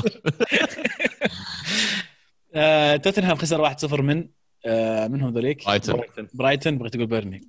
برايتون إي صح. كلهم نفس الشيء بالنسبة لك. حق لا لا لا لا برايتون أزرق بيرنلي زي ويست هام وأستون فيلا ما عليك. كلهم نفس اللون ها إيه. آه طبعا يعني نتيجة غريبة جدا لأن برايتون في في المركز ال 17 يعني بس position واحد عن مراكز الهبوط وسبيرز ال- ال- الفترة الماضية نتائجهم قاعدة يعني ما ودي أقول تتردى لكن غياب كين وسون ما أدري إيش قاعد يصير عندهم الشباب اللي يفهمون سون. fantasy واصابه اي اي تعال تعال تعال تعال. أدري أنا ما سألتك تسمح لي أصرح بال- بالكلام هذا لكن يبدو لي إنك كنت مجتمع مع ناس عندهم خبرة عميقة في ال fantasy كان عندهم نظرة آه، استباقية وكانوا مطلعين كين وسون من فترة. حكينا عن الموضوع يعني اللي, اللي واضح الآن إنه فعلا كين طبعا حتى قبل ما تجيه الإصابة كان مستواه مش مش ولا بد. وسون له يمكن كم مباراة آه، أيضا يعني مو بسون اللي تعودنا عليه. فحكينا عن هذا الموضوع. أفدنا من خبراتك الفانتساويه اللي استفدتها. والله أنا ما قلت لكم قبل الجوله الماضيه بس توني وأنت تكلمني فتحت ال fantasy عشان أشوف انتقالاتي تمت ولا لا؟ فانتقالاتي تمت أبشرك. آه ال- ال- الفترة هذه كانت في ال fantasy تحديدا هذه فترة عودة اللاعبين المصابين عودة فترة عودة اللاعبين اللي كانوا غائبين عن النقاط والتسجيل. فمن ضمنهم مثلا اللي ما لقط انطونيو يروح يلقط انطونيو لأنه أتوقع الفترة الجاية راح يتفجر. أتوقع ويلسون كمان مهاجم نيوكاسل راح مرة ثانية النتائج راح تكون ممتازة الفترة الجاية. فالأسماء هذه تركزوا على الأسماء اللي كانت مصابة قبل والان قاعد ترجع وراح يكون لها دور أساسي في فرقها. هم اللي خلينا نقول عليهم الكلام. بالنسبة للسبيرز لو تلاحظ يعني across ال Premier League بشكل كامل مو بس سبيرز اللي تعرض للدحديرة هذه في النتائج وتحديدا في موضوع تسجيل الأهداف. شفنا ليفربول يروح لكم مباراة ومو عارفين يسجلون صلاح كم له ما سجل قبل المباراه الماضية. ف سبيرز مبنيين بطريقة دفاعية بحتة بطريقة يعني آه، يبغون يفوزون 1-0 تقريبا كل مباراة. ومشكلة الأسلوب هذا ومرة ثانية نعيد إنك لما تجي Premier League يجونك أندية مثل ليدز وبرايتون مو محترمينك لا أنت ولا تاريخك ولا مدربك ولا ال 200 مليون اللي تصرفها في الصيف. ما يش ما يشوفون الكلام هذا كله. هو جايك بيهاجمك مباراة home عنده هوم يعني بيلعب خطة هجوم وبيهاجمك وشفنا هذا اللي صار برايتون وسبيرز يعني ولو إنه ما كانوا يلعبون هجوميا برايتون لكن في جرأة أكبر اني أنا أقدر العب ضد اي نادي في الدوري واقدر اطلع منه بفوز على ملعبي. فسبيرز يبدو لي هذا المشكلة اللي قاعدين يواجهونها الحين. تردي النتائج هذا آه، تزامن مع آه، توقف كين وسون عن التسجيل والشباب هذول نفسهم اللي تكلمت عنه خبراء ال fantasy راح اسميهم المجلس كلهم شايلين سون وكين من عندهم فرقهم صار لهم كم جولة. فيبدو لي إن هذا شيء متوقعين العالم وأكثر شيء يدلك عليه لما تجي تدخل ال fantasy نفسه قبل ما تشتري أي لاعب ترى السوق يعرف فشوف الجولة هذه كم من واحد وقع مع اللاعب هذا وكم من واحد باع اللاعب. وغالبا العالم هذول يعرفون عندهم نظرة. يعني آه، هذا اللي صار بس يا عزيز. عندنا بعد؟ خلصنا Premier League باقي السيتي السيتي السيتي قاعدين يزحفون قاعدين يفوزون. آه، في غياب اجويرو وش يسمونه حقهم الماخوذ؟ جابرييل جيسوس المهاجم. آه، اللي كنت كان عندي لفترة طويلة جدا في الموسم هذا ونتائجه الصراحه تعبانة جدا. الآن يعود للتسجيل ويحسم السيتي نتيجة المباراة بهدف وحيد. آم، السيتي واثق الخطوة يمشي. ملكا عزيز أنت الوحيد اللي كنت شايفها يعني من بعيد. في سؤال أنا شفته في في المنشن يمكن بتكلم عنه بعد شوي. كان يقول هل جابرييل المهاجم المناسب إنه يكون فعلا خليفة اجويرو ولا تشوفهم يروحون يشترون واحد بدالة؟ أتوقع يمكن ذكرنا أكثر من مرة كان هذا النقاش عن عن جيسوس و... والأمل الكبير اللي كان عليه. وجايته من البرازيل وكيف كان الأصداء لكن اكتشفنا إنه ما هو هو ذاك اللاعب اللي يستطيع إنه يكون فعلا هو الرقم واحد على الأقل مو الآن بالمستوى اللي يقدمها جيسوس أتوقع يحتاجون فعلا مهاجم من طينة الكبار مع بقاء جيسوس إذا كان بالهم طويل عليه يخلونه أو إنه يشوف له نادي ثاني لكن بالتأكيد ما أعتقد إنه السيتي راح يعتمد على جيسوس كخيار أول مين المهاجم اللي بين الكبار؟ إيه. يعني هالاند مبابي مثلا لازم شيء على ال level هذا ها؟ لاوتارو مارتينيز لاوتارو توني بقول لك إيه. لاوتارو من هذا ال level ولا مو إيه. من هذا ال level لا لا لا لاوتارو يعني أتوقع إنه ممكن يكون له صدى. كبير اي يعني أم، أنا عزيز يعني أنت أنت تعرف تشكيلتهم زين لو أنت مدير الكرة هناك وش ال priorities حقتك؟ شوف في الدفاع أتوقع الأمور سليمة الآن مع تألق ستونز ال- ال- المفاجئ عودة للتالق مع. ودياس دياس. ولابورت توه راجع والأظهرة تنقي زي ما تبي كانسيلو يلعب على كل مكان ومندي ووكر فما عندهم مشاكل في ال- في ال- في المنطقة الخلفية ابدا في الوسط يمكن جوندوجان اللي فجأة ظهر مكان آه، دي بروينا وم- يعني ما حد كان متوقع إن خليفة دي بروين راح يكون جوندوجان. أتوقع يحتاجون تعزيز بدال آه، برناردو سيلفا اللي شفناه آه، الموسم هذا بأداء أقل من من المتوسط. توقعنا يكون هو بديل ديفيد سيلفا لكن للأسف آه، المستوى سيء. محرز يقال إنه في مشاكل. يمكن هذه الخانة اللي تحتاج تعزيز خانه اللاعب اللي في وسط الملعب بجانب دي بروينا خليني أرمي اسم أشوف إذا يجوز لكم ولا لا. أيوه.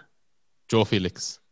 جو فيليكس كنت بقول أنا قدام ك- كلاعب مع الثلاثي ال- الهجومي. مع ستيرلينج مع جو فيليكس ولاوتارو مارتينيز في الهجوم. أتوقع إن الثلاثي الهجوم راح يكون عندهم. أيوه عندهم احتياط فيران توريس و- فودن. وفودن انت ليش تبغى لاعب دائره طب ما عندهم جوندوجان ودي بروينا ويعني حتى فرناندينيو ولو كان يمكن أكبر شوي لكن موجود رودري كمان كبديل. بس رودري مثلا الموسم هذا ما ما هو بالمستوى اللي كنا نأمل منه يكون رودري. حتى ما هو ما أدري هل هو يعني لأنه يلعب مع السيتي على مستوى أعلى أقل لاعب ولا مو بهذا نفس اللاعب اللي كنا نشوفه في أيام أيام الأتلتي. بس أحس إن يحتاجون لاعب إضافي في خط الوسط. يرفعون في المستوى يمكن يستغنون فيها وقتها عن محرز أو عن برناردو. رودري جاي من أتلتي مو بجاي من اشبيليا أو شيء زي كذا؟ لا كان في. ريال. كان في. ريال وبعدين اشتروه أتلتيكو مدريد وبعدين باعوا أتلتيكو مدريد. طب خليني أرمي اسم اللاعب في الدائره كذا ممكن يمشي مع جو فيليكس والعيال. ساول. أصلا أصلا ترى كان جوارديولا يحفر عليه من سنتين يعني فواضح إن الخانة هذه يمكن في فترة اللي هبط فيها شوي مستوى جوندوجان آه، كان آه، بيب آه، يبغى ساول بشكل يعني مستمر سنتين ورا بعض أتوقع. بس آه، أعتقد بعد آه، الجائحة وبعد يمكن الفترة الصعبة اللي مر فيها كل أندية العالم قرر انه ياجل للصيف الجاي. ممتازه على مستوى التسجيل اللمسة آه، الزيادة العددية يلعب لك بعدين في ميزة ممتازة يلعب في أكثر من خانة يلعب في أكثر من مركز ممكن يلعب لك لاعب الدائرة ممكن يلعب لك ال playmaker ممكن يلعب حتى false nine فلاعب محبب إنه يكون في فريقك لاعبي. المفضل في فوتبول مانجر على فكرة لسنوات كثيرة يعني فعلا أعرف نوعية اللاعب بالضبط لكن خلال آخر سنة أو سنتين ما عاد أشوف له لقطات كثر ما كنت أشوف له أول. يعني أتذكر semi-final Champions League quarter-final Champions League يسجل دوريات أهداف خرافية تسديدات من بعيد. لكن آخر سنة أو سنتين شوية كنه هدى الموضوع. إي هو السنة السنة جا- جته يمكن إصابة أو إصابتين وقعد فترة شوي مبتعد. وبعدين الفترة الأخيرة رجع بشكل مستمر. طيب آه بس بشكل أخير يمكن نتكلم عن صلاح اللي كان العالم يشوفون إنه فجأة خبط لكن يعود صلاح ويتألق بهدفين جميلين كل واحد أحلى من الثاني صراحة. ورجعت الأمور لطبيعتها وممكن قسونا كثير على صلاح لكن ترى صلاح متصدر الهدافين في في الدوري الإنجليزي. وحتى متصدر الظاهر ال points في ال Fantasy هو أكثر واحد جايب points فيعني فعلا زي ما قلت يا عزيز لما تجي تقسو عليه لازم تحط في بالك انه ما زال على الرغم من هذا الانتقاد وأنت تعتبره يعني أو المتابع يعتبر إن هذه أسوأ فترة في تاريخ صلاح في ال Premier League لكن على كذا ترى هو ما زال رقم اللاعب رقم واحد في ال Premier League فإذا كان شيء أنا أعتقد هذه الشهاده له يعني. يا صلاح باقي له 15 هدف ويصير أكثر لاعب أفريقي سجل في تاريخ ال Premier League 15 هدف. باقي له 15 هدف. ولا شيء يا. رجل الدوري دروجبا. يلعب فيه دروجبا دروجبا الأول. دروجبا الأول. ف أنا أنا بالنسبة لي يعني إحنا ما أدري يمكن إحنا كشباب الكورة معنا يمكن ما ما أحس إن قسينا على صلاح كثير. آه، بالعكس يعني أحس إنه كنا حتى السؤال يمكن جانا الأسبوع الماضي أو الأسبوع اللي قبله إنه نعتقد إنه صلاح يعني فترة أو أو فورة أو أو ثورة أو وات لكن آه، اعطيناه يعني حقه إنه إنه لسه لسه اللاعب عنده وقاعد يقدم. يمكن عتبنا البسيط كان على شخصية اللاعب آه، اهتمام اللاعب بأشياء جانبية ما لها داعي آه، عن كابتنية آه، ما لعب أساسي ممكن في مباراة يسجل أهداف ما يفرح. كانت هذه الشخصية اللي اللي ما ودنا كنا نشوفها في لاعب زي زي محمد صلاح ولكن اللاعب يعني صراحة لو إنه غير عربي كان الآن ممكن يصنفونه من أفضل ثلاثة أو خمس لاعبين في آخر ثلاث إلى أربع سنوات. يصنف الآن ولا ما تحس؟ أنا بالنسبة لي من أفضل خمسة كاستمرارية يس. يعني حتى النقاد لما ما في أحد يتكلم عن الدوري الإنجليزي بدون بدون ما يقول لك آه، محمد صلاح من أفضل اللعيبه هو دي بروين يمكن. اي حط في بالك كاستمرارية لأنك أنت مثلا إذا حطيت في الليستة الخمسة لاعبين مثلا بتقول لك رونالدو آه، ميسي مبابي نيمار مين اللي ممكن الخامس اللي بتحطه؟ ليفاندوفسكي ولا دي بروين؟ فهمت؟ إيه. فهو يعني قابل للنقاش كمسألة الخمسة لكن أتكلم عن استمرارية ل- لثلاث أربع سنوات. اللاعب هذا الموسم الرابع أتوقع على التوالي اللي يسجل فيه آه، 20 هدف وأكثر. فمو شيء سهل إنك أنت تضمن لفريقك كل موسم زائد 20 هدف.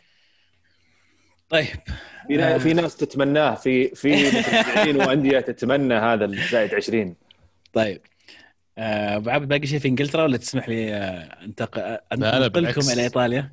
جو هيد طيب ال- اليوم أنا طبعا جايب معي فزعة لأن دائما الحالي في إيطاليا. أفا فزع علينا. فزعة يعني بشكل عام عليكم وعلى يعني المهم انه شخص كان من اللي يعرف الكرة معنا في أوائل ال- ال- ال- الحلقات يمكن أول موسم أول سنة يمكن حتى إذا ثاني سنة بيتذكر هذا الشخص. لكن آه آه اللي اللي ما اللي بده يعرف يحط بوز من الحين عشان يتوقع ويشوف إذا توقع صح. أو على ما على... طبعا معانا آه، أبو سعود سلطان المشجع ال- الانتراوي والهلالي وال بكره معنا القديم وكله. أهلا. يعطيكم بالخير. السلام عليكم جميعا. وعليكم السلام. قرب السلام. المايك ليش شوي لأن صوتك واطي. أقرب شوي. إيه. يا ريت والله. كذا إيه. تمام؟ نبي نبي نبي صوت نبي نسمع صوتك ال- ال- الجهور. كذا تمام؟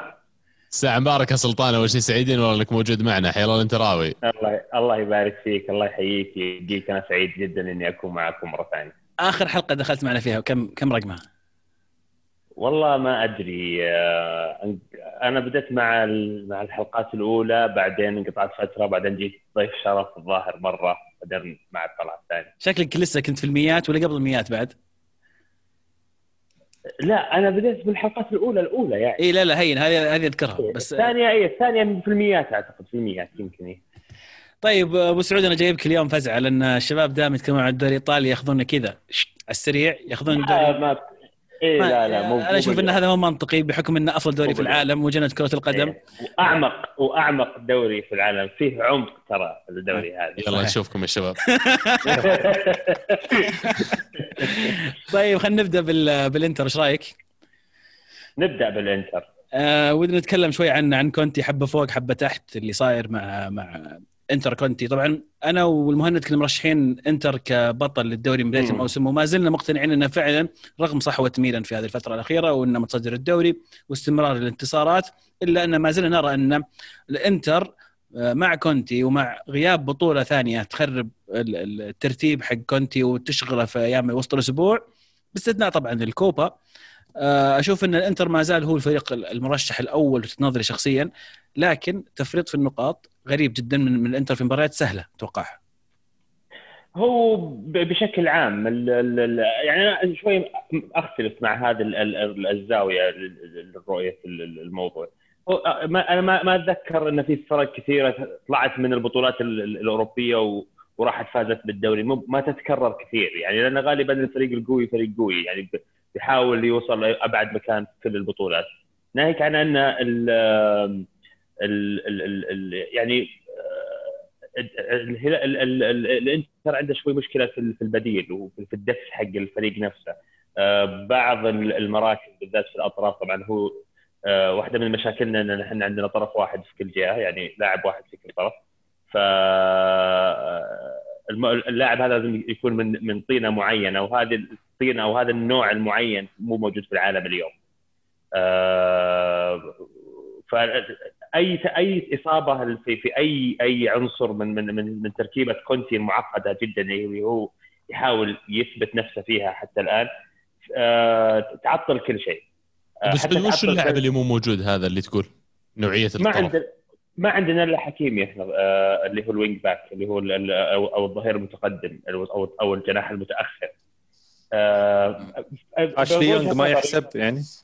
لا أشلي أنا أشوف إن أشلي يونغ آه، بكل أمانة آه، ب... ب... أصلا هو إحنا كلنا نعرف إنه جناح ورجع كظهير لظروف معينة وقدر يكسب الخانة واستمر آه الآن. يعني ينطلب منه يلع- يلعب خانه ثالثه والخانة هذه. أساسا يعني من من أصل وجودها تعتمد على لاعب عنده آه آه، نزعات دفاعية ونزعات هجومية عالية في نفس الوقت بالإضافة إلى طبعا المجهود البدني انه يبذل مجهود بدني خلال 90 دقيقة عالي أنا ما أشوف صراحة يعني إذا يعني هذه البوكسز أو هذه ال- ال- ال- ال- الميزات مو مو مو موجودة كلها عند اشلي يونغ يمكن يصير واحدة أو ثنتين بس إنك تحتاجها كلها عشان تبدع في في خانة زي هذه.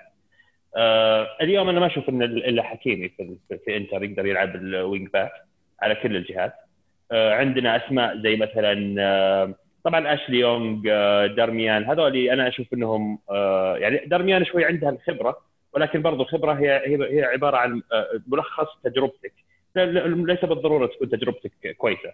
في غالب الأحيان ممكن تكون تجربتك سيئة فخبرتك وقتها هي شيء عامل ينحط أو أو شيء تحطه في في في تحت حزامك أو under your belt على قولتهم. آه، فانا أشوف انه أصلا يعني غير إن إحنا ما عندنا resources ما عندنا موارد الخطة نفسها آه، تصعب الم- المسائل يعني. طب هي نقطتين مهمة. أول نقطة الأولى آه، كلنا نعرف إن إن كونتي ما يحب يغير كثير. وإذا اضطر إنه يسوي تدوير في اللعيبة ينقع. وهذا السبب الرئيسي اللي شفناه يعني يوصل إلى خط آه، النهاية مع اليوفي أو مع تشيلسي أو حتى مع مع مثلا آه، بدايتها مع الإنتر أو صحيح. خروج خروج من الشامبيونز ليج. هذا الشيء وغياب المباريات الأوروبية أتوقع إنه من صالح كونتي اللي يحب يعتمد على نفسه 11 لاعب في كل مباراة. على النقيض عدم جلب لاعب بديل آه، لحكيمي أو من نفس صفات حكيمي سواء على الجهة اليمنى أو لاعب آخر على الجهة اليسرى. مع مع ما أدري وش صار على موسس صراحة أنا ما أدري هو موجود ولا ولا راح. لا لا الرجال راح لها لها وكندريفا أيضا خرج من النادي فاستغناء عن هذه اللعيبة وعدم جلب لعيبه بديلين في هذه الخانة أيضا مستغرب. على على كونتي بدات أنت تعرف إنك بتلعب هذا 5 2 وبتلعب بالأجنحة المعتادة. يعني ما أنت مخترع شيء جديد. صحيح أتفق معك بس برضو إحنا نرجع نتكلم عن من اللاعب اللي ممكن يلعب هذه الخانة؟ وإذا كان اذا وجد هذا اللاعب هل هو ممكن يطلع من فريقه ولا لا؟ آه زي ما قلت لك الخطة نفسها يعني ال formation أو الأسلوب اللي هو يحب إنه يعني ال approach حقه اللي هو نهجه أنه يقول هذا هو هذا هي خطتي هذا هو فريقي أنا كذا بلعب. هذه الخطة ما تسمح لك إنك تكون مرن. ولا تسمح لك برضو إنك تكون resourceful أو أو تقدر تدير مواردك بشكل بشكل يعطيك إنتاجية عالية. آه، العقبات هذه كلها طبعا كونتي يحطها لنفسه. لذلك أنا ألوم كونتي على كل اللي قاعد يصير صراحة. بس تعليق معليش بس انه المباراه الأخيرة مباراة الكاس حسم لك إياها إريكسون بفاول في اللحظات الأخيرة يطلع كونتي يقول انه إيه هو لاعب كويس بس إن اللاعب خجول جدا فلما تطلع تتكلم عنه زي كذا يعني يدلك إنه okay أنت حسمت لي مباراه لكن أنت ما زال عندك أشياء كثيرة تبغى تشتغل عليها. والمباراة اللي بعدها مو- كان أفضل لاعب في المباراة لعب الأساسي وكان أفضل لاعب في المباراة. أساسي. ولعب يعني- ولعب ولعب من ورا يعني كان حتى أدواره كلها تجي من ورا يبني يبني هجمات من ورا ويستلم الكوره من خط الدفاع. فدور أنا ما ما قد شفته أنا أنا ما أتذكر إني قد شفت اريكسون يلعب في هذا المكان لا أنا ما أعتقد حتى إني شفت إريكسون يلعب الدور هذا من قبل لا مع سبيرز ولا مع غيره لكن اللي أبغى اوصل إنه يعني مقومات النجاح موجودة already في الفريق لكن اختيار مدرب إنه ما استعان بلاعب زي كذا لتقريبا مدة موسم كامل. أنا بالنسبة لي أنا أشوف الموضوع شخصي. يمكن إني أنا قاعد أدخل بالنوايا ولكن في سياق للأمور في consequence هي بدأت كلها طبعا إذا يمكن ما الكثير ما يتذكر بس في الصيف الاجتماع الشهير اللي صار عشان يحلون الزعل حق ليش تجيبون لي اريكسون يعني يعني هو طبعا إحنا عارفين إنه كان زعلان ليش تجيبوا لي اريكسون أنا أبغى فيدال وبعدين إلا جيبوا لي فيدال. يعني كان في آه، تعاقب. والضحية طبعا في هذه في هذه الحالة كان اريكسون آه، أنا ضد إن إن أنا ما أتفق مع كونتي إن إن عند الرجال gaps أو فراغات أو عنده عدم رغبة في التعلم أو إن الرجال مو مرن. المباراة الأخيرة اللي لعبها لعب في خانة ما قد لعبها في حياته وسوى أدوار يعني خلينا نقول ال contribution أو المساهمة حقته في الكورة آه، كانت محدودة في في توزيع اللعب وفي في- في توزيع آه، الضغط على على على على الخصم واستقبال الضغط من الخصم. ما كان عنده أدوار هجومية كبيرة يعني زي ما هو متعود. والرجال ما كان عنده مشكلة ولكن نشوفه يخطئ كثير ولكن يعني كان أداءه مقنع. أداءه مقنع. لو تقدر لو تأخذ هذا ال- ال- الجزء الممتلئ من الكأس وتبني عليه بيطلع معك decent اريكسون يفيد الفريق كله. بس زي ما قلت لك هو في الأخير آه، يعني كنت عنده شيء يبغى يثبته هو مو هو في الكورة. أنا بوجهة نظري هو يبغى يثبت شيء ما له علاقة بالملعب. يبغى يثبت شيء له علاقة بشخصيته وله علاقة بكيف هو يدير الأمور يعني آه آه، وأنا بالنسبة لي كانتراوي السنتين هذه اللي قضاها معنا أشوف إنها آه، سنتين آه، استفدنا منها مرة كثير. إحنا كنا نحتاج اسم زي كونتي يجلب لنا اللعيبة اللي اللي موجودين عندنا اليوم. وكنا نحتاج واحد زي كونتي يجي يعطي الثقة آه، آه، في للجمهور نفسه. يعني كان عندنا مشاكل مع سباليتي زي ما أنتم عارفين. بس آه، أتوقع إنه خلاص الغرض منه انتهى. أخذنا من اللي نقدر نأخذه من كونتي. هو ما راح يتغير وقال أنا ما راح أتغير. وإحنا نحتاج واحد يتغير. أو يقدر يغير أو زي ما كنت قبل شوي قلت resourceful يقدر ي- يدير موارده آه، على حسب آه، ظروف النادي و... و... ويأخذ الفريق لل next step يعني إحنا كنا نحتاج واحد يأخذنا من مرحلة سباليتي إلى ال step أو أو أو أو, أو المرحلة اللي بعدها. وجاء كونتي وسوى هذا الشيء والحين نحتاج أحد يأخذنا من مرحلة كونتي إلى المرحلة اللي بعدها. وش المخاطرة يا أبو سعود إذا كمل كونتي؟ آه انك you get stuck انك تجلس في مكانك تحفر تحفر ما تتقدم مكان. يعني آه ال- الموسم الماضي والموسم هذا آه استقرار الفريق مستقر يعني المستوى كان ما في تذبذب عالي غرفة الملابس ممتازة رغم ذلك ما في تحسن. الموسم الماضي زي الموسم ذا. طبعا أنا بوجهة نظري كرؤيتي برؤيتي الشخصية. يعني أنا من من قبل ما يبدأ الموسم حتى بعد ما بدأ الموسم أشوف أن اليوفي هو بطل يعني ترتيب السنة اللي راحت نفسه بيكون هو نفسه.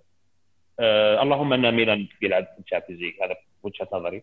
فأنا أشوف أن إنتر ما راح يسوي شيء زي السنة اللي راحت. آه بيخلص ثاني وبيطلع من الكاس وبنقول آه والله فريقنا كان آه كويس وكذا ونبدأ نطبطب على نفسنا ون- ونراضي نفسنا يعني كانتراويين هل انت مع استمرار انت أنت مع استمرار كونتي ولا لا لازم يمشي. آه، لازم لازم يمشي. لازم يخلص. لازم يخلص الموسم ويمشي. طبعا أنا ضد إنه يمشي الآن. مشكلة آه، اتزان ومشكلة stability بس لازم إذا خلص الموسم يمشي. سيميوني خيار يعني مناسب. 12 مليون. أنا أشوف إن ال 24 مليون هذه كانت ممكن تحل أزمات كثيرة. بال- بالذات إن الفريق الآن عنده مأزق مالي وخلاص يعني ما نقدر نسويها مرة ثانية يعني. أنا أتوقع ان 24 مليون كفاية. من الخيار البديل؟ من فيه آه، في كذا مدرب في الصيف مرشحين إنهم يطلعون. آه، طبعا الحلم حلم كل انتراوي سيميوني يجي. آه، ويعطينا 4 4 2 حق. بس ما أدري أنا ما تفرق معي صراحة. أي أحد من الإليت coaches اللي مو- بيروحوا راح يكونوا متوفرين. يعني مثلا زيدان مثلا لو لو تصح الشائعات وخلاص يمشي الصيف ويجينا أنا بالنسبة لي أشوف زيدان مرة شيء. تجربة آه آه شو يقول لك؟ انترستنج تسوى إنك تخوض هالتجربة. interesting مرة. شخص مرة يعني ما ممكن يجي في بال أحد عرفت؟ زعلني منك كذا يا أبو سعود. أوف والله والله جد. اليوفاوي بيزعل بعد شفت زيدان بس- بيزعلنا كلنا كذا اصبر. لا مو على كيفك اصبر. تجي اليوفي أول تجي اليوفي أول بعدين تروح. مو على كيف مو بكذا لي لا. شوف كونتي مر جانا أول ثم راح سوي اليبي بكيف. احتياب واحتراف احتراف أبو عبد الله احتراف. تدري وش ال- الغريب؟ أبو سعود ان ان إن أول و... يعني أول شخص يشجع نادي في الدوري الإيطالي و- وفي كلام على مدربه و- وما قال أبغى أليجري كخيار أول. لا لا ما أحب أليجري أنا. أليجري شوي خواف أنا ما أحب الخوافين من اي ناحية خواف معلش آه، الابريت أكثر آه مو ما يتجازف ما يسوي آه يعني ما يبدأ ال ال ال ال ال يعني من من من النوع اللي يشوف يشوف الفريق الثاني وأحاول ألعب على الفريق الثاني مو من النوع اللي اللي will I will be ready for all circumstances وبعد ردة فعل. مدرب ردة فعل. إيه. مدرب إذا خسر خسر 3-0 في في, في, في تورينو يروح في مدريد يفوز ثلاثة. عادي يقدر. بس إنه تجي تفوز في أرضك؟ لا. لأنك أنت ما أنت مضطر. لما ينحط في موقف محرج لازم يروح يفوز. هذا مشكلته إيه. إيه يعني ما ما ياخذ ما ياخذ المبادرة شوي. أنا أنا احب مو بأحب صراحة أنا طفشت من الناس اللي يلعبون سيف. وأفهم من كلامك قبل شيء مستبعد الميلان مرة إنه يفوز بالدوري ها؟ لا لا خلاص. لو تشوف؟ آخر خمس مباريات لا إحنا خلينا نشوف آخر خمس مباريات. آخر خمس مباريات win lose win win lose وآخر خمس مباريات لل- لليوفي win win lose win win أتوقع إن اليوفي خلاص قاعد يرجع المكان الطبيعي وإحنا بنجلس ثاني وميلان بينزل تحت. أنا أتفق معك إذا كمل الدوري مثلا خلينا نقول إلى 100 مباراة في الأخير بيوصل اليوفي في المركز الأول لأن عدد النقاط اللي. بيحصلها لكن لكن ما تعتقد إن عدد المباريات الباقي كافي إن ميلان إلى حد ما بس يوصل لنهاية الخط؟ لا not really هي في الأخير في الأخير يجي شهر مارس ويبين كل الفرق. وفي الأخير برضو زي ما كلنا نعرف الدوريات تحتاج دكة وما حد عنده دكة في, في إيطاليا الا اليوفي بس الدكة هذه يديرها واحد يعني متدرب يا سلطان. جالس على الدكة آه. معهم. إي هذا هذا آخر عصارة ال- ال- الخبرات. آه، السنة دي إذا آخر شيء ممكن يستفيدون منه من آه، من تراكم تراكم الخبرات اللي جت لليوفي. وبتخلص كل أوراق بيرلو والسنة الجاية الله يعينه أنت يعني انت تعتقد أتوقع يستمر إيه، آخر قطرة إيه، بيجلس يعصر في الليمونة ذي يعصر في الليمونة لين آخر قطرة ويخلص الدوري ويجيب الدوري. بعدين لا تنسى إن في يعني خبرة عالية جدا جدا. يعني لو تجي تمسك أنت أحسن 15 لاعب في في, في اليوفي ما ما أبغى ال squad كامل أحسن 15 اللي هم دائما يتدورون. يعني كل واحد نص مدرب. ف يعني they would عندهم إمكانية يعني مثل الدوري طيب. أنا يمكن إذا تسمح لي عزيز شوي أختلف مع اللي يقولون على احتياط اليوفي إن الأفضل في إيطاليا. أنا بالنسبة لي squad اليوفي squad آه، يعني عادي. لاعبين آه، يعني ما أتوقع إن الفرق الثانية المنافسه لليوفي بتشوف آه، أو بتقابل اليوفي ممكن بهذا السوء أو ال أو ال ال ال يعني العناصر العيديه الكبيرة. لما تجي تقول احتياط اليوفي لما أروح لاحتياط الإنتر بالنسبة لي احتياط الإنتر أحسه أجهز وأفضل و... وخيارات كثيرة. في الأخير هي اختيارات كونتي وهو اللاعبين اللي طلبهم بالاسم. على على مستوى ال ال ال ال ال الوسط يعني عد واغلط. من سينسي من إريكسن من آه، باريلا من آه، بروزوفيتش.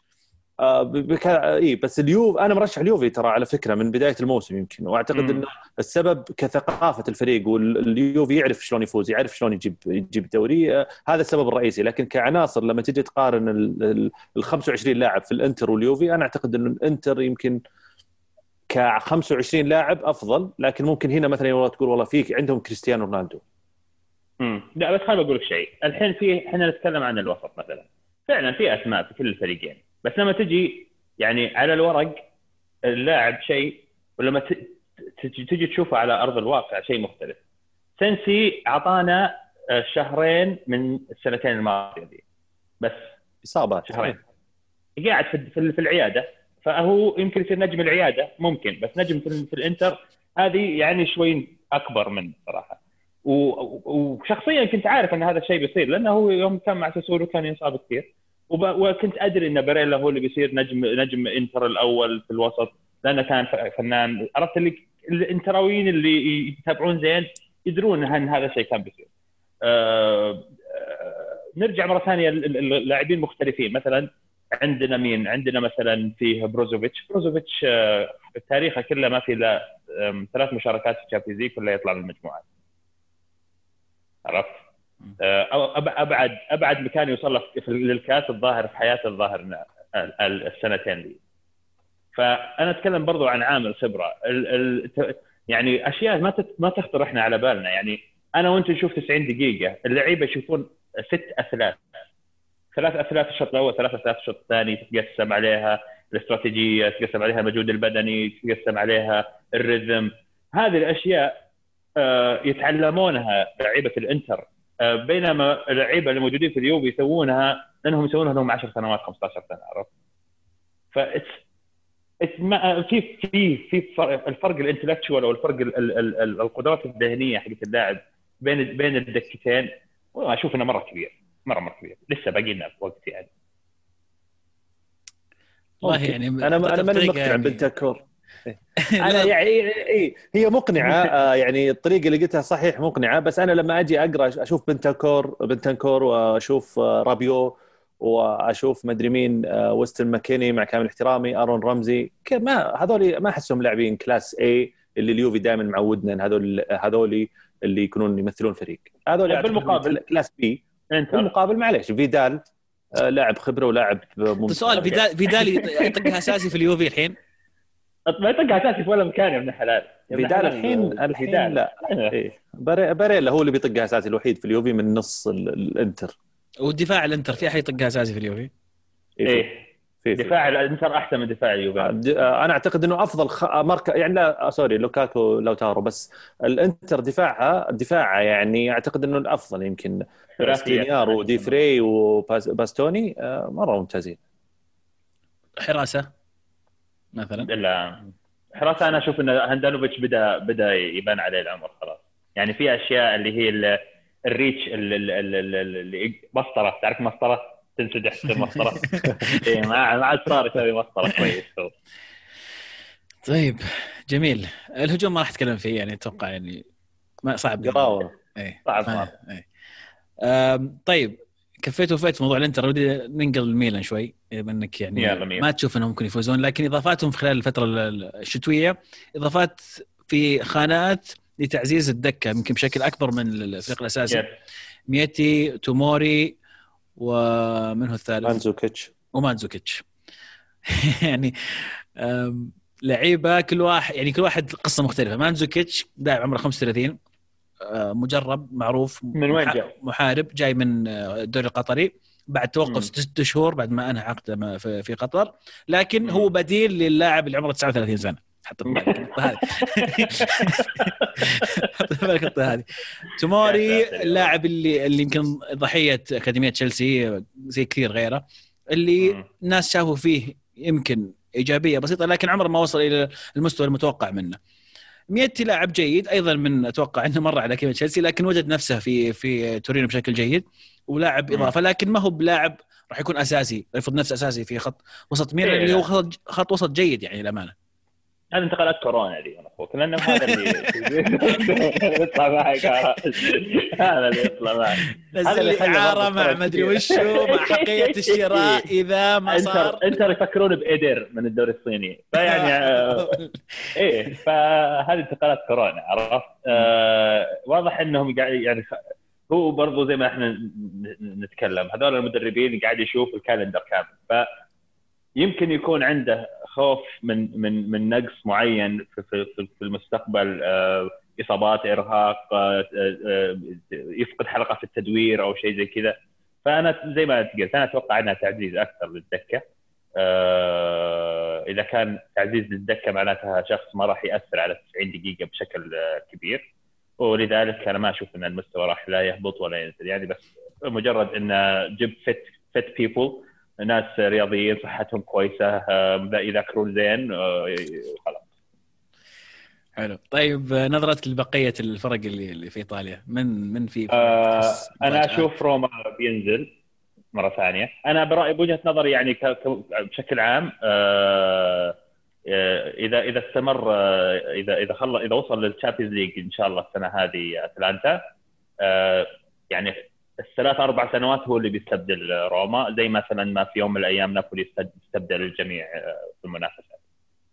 آه، أيوه قول فتشوف أنت ال- ال- الأربعة في نهاية الموسم هذا أو الثلاثة مضمونة لليوفي وانتر وميلان Yeah. أو هذا ترشيحك لهم الرابع إيه، هو في- اللي إيه في بين لاتسيو واتلانتا طبعا لاتسيو ي- ياخذون شوي آه، حيز لأنهم الحين عندهم نقاط أكثر بس نهاية المطاف أحس أتلانتا هم اللي بيخلصوا الرابع إن شاء الله. إن شاء الله. أنا أحب أتلانتا. بس فوز لاتسيو الأخير يعني تسكيت. ما ما تفرق. إحنا الحين نلعب الجولة العشرين. آه، باقي 18 جولة. آه، باقي باقي كثير ups and downs ونشوف وش شلون يتعاملون معها المدربين وال staff آه، في في مجال كبير لتغيير ال curve هذه. طيب آه ناخذ من ال- ال- ال mention. عبد الرحمن يقول إيش رأيكم باللي يسويه برلسكوني مع فريقه الجديد مونزا اللي أخذه من الدرجة الثالثة والحين في المركز الثاني في السيريا بي واحتمال كبير يصعد؟ يا أخي فكرة رهيبة منه يشتري نادي ما يسوى 10 ملايين يورو ويشتغل عليه ويبيع نص أسهم النادي بعد كم سنة بأكثر من 100 مليون. آه، وش تتوقع ممكن. نخلي التجار عندنا يسوون الفكرة هذه. ممكن ممكن يصير جابس ولا؟ كذا. طبعا آه، الفريق هذا فيه بالوتيلي وبواتينج. صحيح. قلت لي آه، كيفن برنس يا صامت، أبوي. ها؟ إيه ماريو بالوتيلي وبواتينج. بواتينج طبعا ال- ال- آه أعد المجد القديم. ال- ال- الغاني وليس الألماني. كيفن برنس. إيه. إيه، أعد المجد القديم. نعم. بس شاطح بالإسكاني والله. أشوف الناس يعني ما أدري شيء مو جديد في كثير كذا ناس يسوون. بس أنا أشوف إنه شيء مو صح يعني. إذا أنت ما أنت قاعد تشتغل على شيء long term وتبني brand وتأسس وتحاول إنك تصير إضافة قد أكثر من إنك عالة شو له اقعد في البيت عد فلوسك. ناصر يقول أتمنى أن هذه تكون آخر سنة لكونتي. يقترحوا علينا مدربين ممتازين يأخذون مكانه. برأيي مارك فان بومل وإن كان تاريخ الإنتر مع الهولنديين سيء فإني أتمنى أشوفها عندنا. لا لا لا زيزو فيصل يقول يا أخي ما صوت عندكم واضح ترى. فيصل يقول السلام عليكم. أبغى رأيكم أفضل ثلاث لعيبه وسط بالدوري الإيطالي. وعزيز يا رب اليوفي يرجع الصداره وتجيبون الدوري لأني مستبعد أننا نجيبه ويا خوفي الإنتر يجيب الدوري. طبعا واضح إنه ميلان يعني. ثلاثة لعيبة. ثلاث لعيبة وسط. وسط. باريلا. بلل اتفق. أتوقع أنا مرة منجم الرجال يعني. عبد الله ترى عادي تشاركنا. Football Manager أنا عندي بريلا دائما يطلع world class دائما يطلع واحد من أفضل لاعبين الوسط الموجودين؟ دائما أقول للشباب ترى Football Manager يعرفون. مين؟ بريلا بريل. إيه فنان. وش اسمه؟ وعندكم باستوني بعد. هذول الاثنين يعني على على حسب المتابعين حقين Football Manager وال scouts اللي يبحثون وكذا يقال إن هذول أكبر آه، موهبتين موجودين حاليا قد يكون حتى في الدوري الإيطالي يعني من الطليان تحديدا. إيه. والله فنان الولد. باستوني مرة فنان. بس باستوني CB صح؟ إيه بس إيه. السؤال على الوسط. وباريلا box to box yes أنا ممكن أرشح. واحد ممكن ارشح واحد من لعيبة وسط آه، ميلان صراحة بس احترت بين كيسي وبن ناصر هكان آه، بما إن ميلان الآن متصدر وهذول الثلاثة كان لهم يعني دور من بعد الجائحة الموسم الماضي إلى وقت إصابة يمكن بن ناصر كان لهم تأثير كبير فما أعرف ما أعرف مين بميز بينهم. آه بس ممكن يعني أحس بن ناصر هو اللي يمكن كانوا كيسي كان موجودين من قبل بس بن ناصر أعتقد إنه جاي جديد فهو اللي يمكن سوى الابجريد خلينا نقول ال- ال- الوسط ميلان. وعندك وجهة نظر بداحم أنا برضو كنت بختار بالناصر لكن فترة اصابته الفترة الماضية يعني آه، خلت خلتني شوي يعني خلينا نقول ما أذكره من اللاعبين اللي بذكرهم لأن ي- يبغى لك موسم كامل وتوريني إيش قاعد تسوي. فالآن ميلان بغيابك كيسي والشباب قاعدين يأدون. فإذا رجع نشوف إيش يصير. مع إن على فكرة اللي يتابعون ميلان ومشجعين ميلان يقولون فاقدين وجوده مرة في الوسط. أنا. وياك. عبد الله متابعين إحنا فاقدين وجوده صح؟ يعني إيه بس غير الملاليه يشعرون يا بداح يشعرون من هنا. صح صح صح اللي ما تعرفه يا أبو سعود إن أنا وأبو عابد راكبين باص ميلان لتحقيق الدوري الموسم هذا. صح. آه أنتم راكبين الباص؟ نعم. امم أنت طب انتبهوا دائما أنا خاف يقطع عليكم بنزين بس. يقطع عليكم. آه، مسعود يقال إنها سفينة ما هي باص بعد الله يستر. طيب. رويز إيش رأيكم في رويز؟ فابيان رويز. إيه، جيد. بس ما أعرف الموسم هذا الصراحة ما ما. ما ترى مو مو بموسم كويس. له يعني سوى مواسم أحسن من- من كذا بكثير. احاول أتذكر من في ترى والله إيه قول. لاتسيو لعيبة لات في مختاريان هل يعتبر لاعب وسط؟ جاء في بالي لأن الموسم هذا ممتاز صراحة. مرة ممتاز. رقميا يعني ظاهر قاعد يلعب الحين؟ إيه، لويس- عشرة. لويس البرتو مثلا هل له يعتبر وسط؟ ممكن. إي وسط لويس ألبرتو. لويس ألبرتو موسم جيد حتى الآن. يوفي ميليكوفيتش. سافيتش. يوفي أنا صراحة للامانه لو بقول لك أفضل لاعب وسط السنة هذه وستن ماكيني. اوه طيب فيه نقد الحين عليه الرجال. ليه؟ أنا زعلان عليه عبد الرحمن. لا مو زعل عليه هو بس منقهر طلع من شالكة بس. طالع من فريقي الاساس وقال ماني بطالع وما أدري وش ويحرف أيوه، الشعار الحركات. ما يفتلومنا إيه. طيب أتوقع كذا نكون ختمنا إيطاليا. والله جرعة جميلة صراحة. أبو سعود تعال كل يوم بالله. صحيح؟ إي والله. بيتك حبيبي والله. على قد ما أقدر. الله يطول عمرك. شكرا لك يا سلطان عفو. آه، وأتمنى كل التوفيق لليوفي زي ما قلت أنت زي ما تمنيت يعني آه. لا إن شاء الله الله إن شاء الله يهديهم شوي شوي ممكن ناخذ إحنا الدوري ممكن والله شوف أنا ما زلت مرشح الانتر أكون معك صريح يعني بما سمعت رأيك أنا بالنسبة للأمانة أشعر أن غياب أي شيء ثاني يشوش كونتي عن أنه ينزل نفس ال 11 لاعب ونفس الثلاثة ينزلون من الدكة كل مباراة هذا advantage كبير لكونتي ودائما يجون يوم الأحد أو يوم السبت دائما جاهزين طاقة مليانة full ما لعبوا في وسط الأسبوع هذا كلها في صالح في صالح الإنتر. وصالح خطة كونتي ما لم تجي إصابات تغير هذا ال- أنا اللي مضايق صدري إنه لو جاب الدوري بيقعد. طيب يستاهل. لا ما يقعد خلاص أنا زهقت يا جماعة. أنا يجيني النوم وأنا أشوف الإنتر يا جماعة خلاص. ما يصير.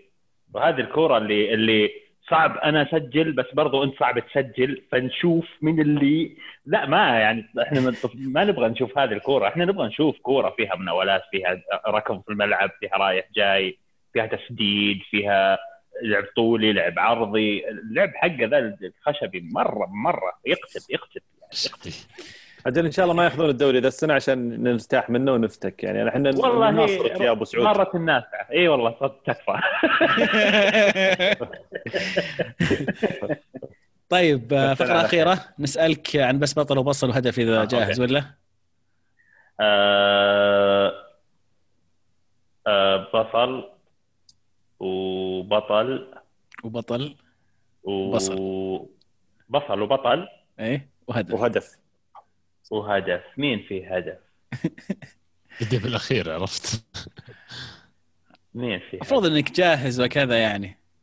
إيه كنت بقول أنا هدف صراحة كنت بقول آه هدف حمد الله بس هونت محجوز يا أبو سعود محجوز. صراحة هونت صراحة. هدف حمد الله هو... لا. آه بس الجوله الماضيه هذا. عادي عادي نسمح لك. تسمح لي عشان الجولة الماضية؟ اي أجل هدف عادي. بريلا على اليوفي. لا لا هونا ما نسمح لك هذه عشان عزيز. لا لا أنا مختار أنا قاعد مش أنا قاعد أظهر قبل سمعنا قاعد هدف يستاهل. مو بصاحي صح. تمريرة الفينش مو يعني انت تقول على السريع تقول باستوني قاصدها؟ إي طبعا. إيه؟ هذه هذه كونتي هي هذه كونتية. هذه كونتية مرة. راحت إيه. أمها. إيه. راحت بنوتشي جيب. بنوتشي جيب ديفيد لويز أيوه. إيه. مزع ارضيات أيوه إيه. آه بطل وبصل على السريع ولا ما إذا ما في. عاد؟ آه، بالنسبة لي آه، بطل باريلا. أم، لو تسألني برضه الأسبوع الجاي بقول باريلا. أنا منبهر من الرجل هذا. أنا أدري إنه فنان وفلسفة بس منبهر منبهر مرة منبهر من الولد هذا. آه، بصل آه، آه، الجهاز الفني ولاعبي الهلال. آه، شيء مرة مو كويس ابدا ابدا مو كويس. والهدف هدف باريلا. باريلا في اليوبي أنا أشوف انه يعني واحدة من معجزات خلاص قلت قلتها قبل شوي خلاص سمعنا أكثر. ما تعيد من معجزات كونتي ذي. حبيبي سلطان يعطيك ألف عافية. شكرا الله يعافيك. على حضورك. وطولنا عليك إحنا عارفين لكن شكرا. لا لا ابدا. ما تقصر. العفو. نشوفك على خير إن شاء يعطيك الله. العافيه باي باي. ما لابس طيب we love you ابو سعود بطل نكمل يا شباب ولا؟ ترخموني أنتم تقولون أبو سعود إيه، كل ما. قال ابو أبو سعود على طول أقول ها إيه.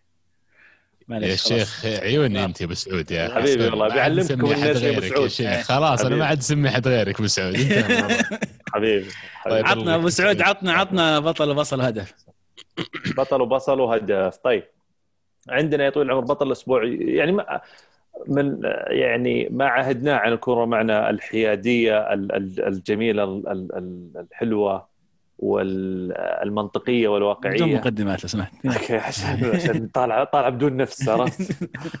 أتلتيكو مدريد صراحة يستاهل آه، بطل الأسبوع. ال- الفريق اللي يمكن أتوقع كل مشجعين الدوري الإسباني كانوا يتوقعون إنه يتعثر في المباريات المؤجلة. كل مباراة قاعد أقول والله بينهزمون بيتعثرون ذا المباراة. لا ويفوزون ومستوى ممتاز. آه مو طبيعي النقله اللي نقلهم اياه سواريز مو طبيعي إيه مو طبيعي أداء عناصر أداء بعض عناصر اللاعبين بشكل آه كبير. هذا هذا مدريدي يطالع وين راح اتلتيكو شفت؟ بعد في تراها 10 تراها 10 نقاط تيجي ومباراة صح؟ 10 ومباراة. لا الظاهر 10 وخلاص الظاهر صفوا وصفروا وساووا الموضوع. آه اللي اللي أثبت لي انه احس ان أتلتيكو وصل فعلا ويستحق إنه يكون بطل هذا الأسبوع والأسابيع الماضية في الدوري الإسباني. آه غياب لاعبين مهمين مثل آه، كراسكو وهيرموسو اللي معتمد عليهم سيميوني في شكل اتلتيكو الجديد هذا الموسم. كان كان توقعت إنه يأثر بشكل هذا لكن ما أثر. فاز بنتيجة كبيرة أربعة ضد فريق صعب آه قادش هذا الموسم آه فيستاهل. آه، هدف الأسبوع آه، هدف آه، ألونسو. آه، بتشيلسي. آه، رجعة ممتازة الالونسو اللي اللي غاب فترة طويلة عن عن المباريات وهدف أحسه style ألونسو لاعب فنان. آه، يمكن مركزه هذا اللي هو الجناح اللي صار الظهير اللي آه، يساعد في الهجمة ويحاول يصنع ويسجل. الاستلامة والتثبيتة بالصدر وال finish كان مرة جميل من اللاعب. خريج أكاديمية مدريد- by the way عبد الله ألونسو. آه نظيف بعذره شغل نظيف. إيه. آه وش من باقي؟ شو عندنا بصل. بصل. بصل كان في بالي والله نسيت. يا ويلك تقول حق كل أسبوع. لا. والله كان في بالي أحد ونسيت برشلونة آه. طيب ولا الت- التهريب ولا الأمور ذي كلها آه لا. نروح نروح نرجع لك؟ إيه. إيه خلنا نشوف. عندي ولا عندي عزيز يوم إنك تبي تروح واضح إنك جاهز ف أنا جاهز جدا. دوس دوس. بطل الأسبوع بالميراس. بطل الكوبا ليبرادوريس اللي فاز في مباراة النهائي على سانتوس.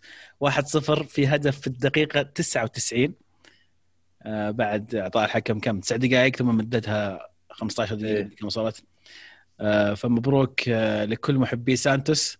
و hard luck لمشجعي آه مبروك عفوا لكل محبي بالميراس عفوا آه و hard luck لكل محبي سانتوس اللي واحد منهم متهرب اليوم من الحلقة عشان متفشل من خسارة آه، سانتوس والهلال ويونايتد من لا اقعد أجي أسوي بصل الأسبوع بالنسبة لي جمهور نادي آه، مارسيه أو مارسيليا اللي آه، قبل ما تبدأ المباراة بكثير في الظهرية طبوا على مقر الفريق أو الملعب اللي كانوا فيه اللعيبة يستعدون للمباراة آه، وطبوا في أرض الميدان وأخذوا شنطة صرفوا شنطة مدرب مدري رئيس مدري كسروا الدنيا وسووا أفلام كلها اعتراضا على أداء النادي في الفترة الأخيرة اعتراضا على الرئيس الحالي للنادي.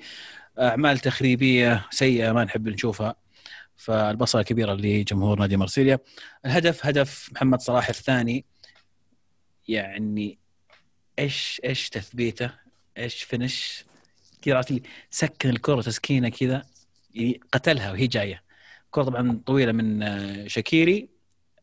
ال first touch اللمسة الأولى حقت صلاح كانت خرافية وفينش جميل جدا. آه، محمد صلاح. حلو. عندي؟ عندك. بطل الأسبوع آه، نادي النصر العالمي على تحقيقه لقب آه، السوبر السعودي بفوز 3-0 قدام الهلال يستاهل ما تكلمنا عنهم اليوم. والهدف يجي من نفس المباراة فعلا هدف عبد الرزاق هدف جميل جدا. أحسب عليه موضوع الفترة الماضية تراجع مستواه وكذا عني ما أحتفل فيه كثير كمستوى. لكن الهدف صراحة فينش مو طبيعي يعني وبلمسة واحدة يوريك فعلا هو إيش يقدر يسوي. آه، بصل الأسبوع على طاري الفيلم القذر اللي تكلمت عنه قبل شوي عزيز اللي يصير في برشلونة. ما هي بطريقة إنك تعامل واحد زي ليونيل ميسي قدم لك كل شيء؟ هذه خلينا نقول في آخر 15 سنة تقريبا.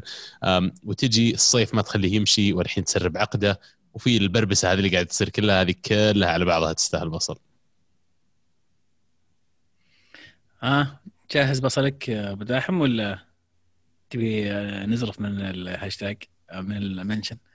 نزرف والله ما أدري ليش راح عن بالي. والله كان في بصل الظاهر تدري عاد هو أول واحد جاء في بالي البصل مجهز. البطل والهدف جو مع الوقت يعني بس عاد سبحان الله راح عن بالي. طيب. نخش على ال mention بشكل اي سريع. نسيت الاتحاد الإسباني وين؟ تعال. تستهبل انت تستهبل انت لا لا خلاص. كل مرة. نسيت والله نسيت والله نسيت. من ال mention حمد يقول آخر أربع مباريات اليوفي أربع شباك نظيفة تطور ملحوظ بعد رجوع كيليني. مباراة الانتر وروما راح تكون مفصلية لليوفي إما استمرار النتائج الإيجابية المعنو... المعنويات مرتفعة والمنافسة على اللقبين أو خسارة راح تقلل حظوظ اليوفي في المنافسة بصل الأسبوع قمم ال Premier League البطل بامفورد الهدف ألونسو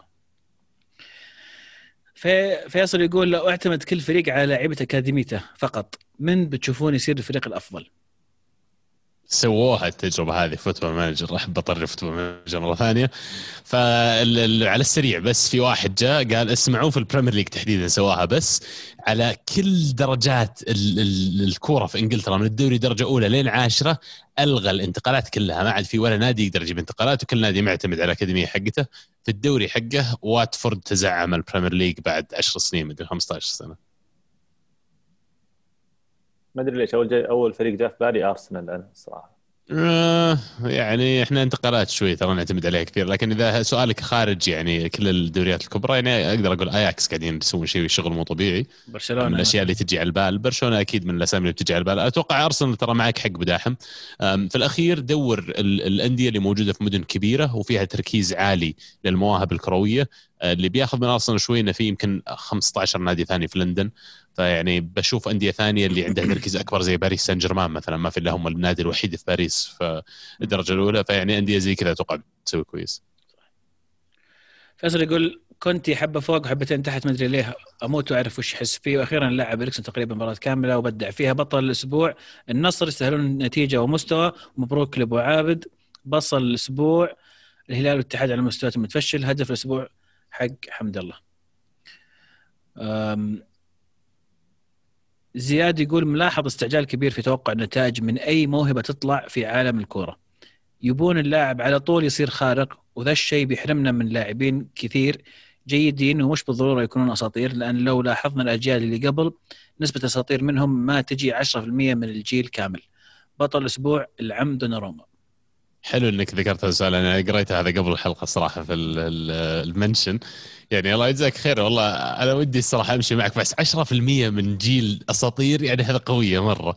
أتوقع مقابل كل أسطورة شفته ترى في مو ب 100 ولا 200 ولا 1000 ولا حتى 10000 في يمكن ملايين من اللاعبين حاولوا إنهم يوصلون للمرحلة هذه لكن في الأخير آه، اليوم الظاهر وهذه لا don't quote me على قولتهم على الرقم لكن في الظاهر في العالم أكثر من 10 مليون لاعب محترف. آه، الأساطير منهم كم؟ خمسة عشرة. يعني آه، العشرة في المية آه، رقم يعني يكاد يكون بعيد. جدا عن الواقع. آه، هذا هذا في الجانب هذا. لكن يعني اختلاف خلينا نقول ال access ولا القدرة على وجود أول شيء بيئة داعمة وجود بيئة تدريبية سليمة وجود مدرب على مستوى عالي وجود المنشات في النادي حقك. أول مو كل الأندية عندهم الأشياء هذه أو الاختلاف ما بين الأندية كبير جدا. فمثلا تلاقي لاعب يسوي قرار انتقاله لنادي عشان والله يقول لك ال ال ال ال شو يسمونه الفاسيلتيز حقت التدريب حقتهم والله جامدة. يعني اليوم تبدأ تشوف هذه الفروقات ما بين الأندية قاعدة تصغر فعشان كذا اليوم تقول أصعب إنه يولد نجم لأنه يعني فعلا مستوى كرة القدم بشكل عام ارتفع فصعب إنك تلاقي واحد الحاله شاطح زي ما نشوف اللاعبين الكبار اليوم. طيب أو أو بعد يقول بعد شيء أنا ما دام إيه. ببعد عن بطل وبصل. أنا الصراحه في بطل nomination أبغى أقدم واحد بطل. آه، ففي سعود في ال mention آه، حاط صورة الهلال. الصراحه ما أعرفه لكن وسع صدري الصراحة. الظاهر حاط 14 سؤال أو 14 صورة، comment ايفرتون ولا؟ ايفرتون اي يمكن ايفرتون أجل ظنيت الهلال أشوف أزرق. تعرف أنا أي شوي شيء أزرق أسوي skip على طول. إلا سعود سعود يستاهل. محمد يقول لي سنتين أتابعكم اسبوعيا واستحيت ما أشارك معكم ولو مرة. آه، الزبدة حاب أسألكم بما أن أجويرو قريب يطلع من الفريق هل من أفضل أعتمد على خيسوس كمهاجم الفريق الرئيسي ومن تشوفون خليفة أجويرو بالسيتي؟ بالنسبة لي ما أشوف غير هالاند متوفر بالسوق. طبعا يمكن هذا السؤال تكلمت عنه أبو عابد في الحلقة. صح. طراد يقول تسرب تسرب من قبل الصحف الإسبانية راتب ميسي الفلكي في السنوات السابقة مع البرشا بغض النظر عن صحة الخبر من عدمه وبالشكل العام هل أصبحت كرة القدم أغلى من ما تستحق؟ بطل الأسبوع هودسون ودوي بصل الأسبوع لاعبين الهلال على أداء الباهت في النهائي هدف الأسبوع ألونسو ضد بيرلي هل أصبحت كرة القدم أغلى يعني تستحق؟ بتقارنها برياضات ثانية آه يعني على مستوى العالم. تحديدا في أمريكا زي السلة وكره القدم الأمريكية يعني يعتبر شيء ولا شيء. يعني يعتبر ولا شيء. مقارنة بهذه الأرقام اللي نسمعها ونشوفها عند لاعبين السلة ولاعبين كرة القدم الأمريكية. لكن الأمور هناك تدار بطريقة معينة آه، من عقود رعاية من من مداخيل من من سيستم معين عدد مباريات تلعب في الموسم وكل هذه الأمور. ولكن في كرة القدم أعتقد مختلف الوضع لأنه أحس إن اللاعب ال- ال- السوبر ستار هو اللي عليه الك... هو اللي له الكلمة الأقوى وله ال... ال... خلينا نقول الت- التحكم أو نكون بيد التحكم أكثر. فهذا الشيء اللي يخلينا نشوف ممكن مثل هذه الأرقام. لما مثال بسيط سريع بالمقابل لما نشوف مثلا في كرة القدم الأمريكية الفريق المركز الأخير اللي مثلا الموسم هذا آه، يصير عنده advantage إنه هو يدخل ال draft pick آه، كاختيار أولي من الدوري الجامعات ال season الجاي. فعنده ال advantage إنه ياخذ أفضل لاعب على مستوى الجامعات أمريكا. فهذا شيء قوي. تلقى هذا اللاعب لما ينوخذ زي زي باتريك ماهومز اللي تكلمنا عليه قبل شوي. آه، جاء وفجر الدنيا وصار يمكن يصنف الآن من أفضل لاعبين quarterbacks في التاريخ وهو عمره 25 سنة ووقع عقد 10 سنوات بقيمة نصف مليار دولار. آه، طيب آه خلينا ناخذ بطلات وبصلات بشكل سريع. يمكن إذا عبد الرحمن تتذكر البصل حقك إذا قرأت من الهاشتاج. قل لي. آه فارس يقول بطل الأسبوع حمد الله اللي في نص ساعة بس قدم أداء عظيم وصنع فيه هدف وسجل هدف. بصل الأسبوع وكل أسبوع الرابطة الألمانية اللي عقدت المفاوضات مع بي إن وحرمتنا من نقل الدوري. هدف الأسبوع فاول ميسي على بلباو.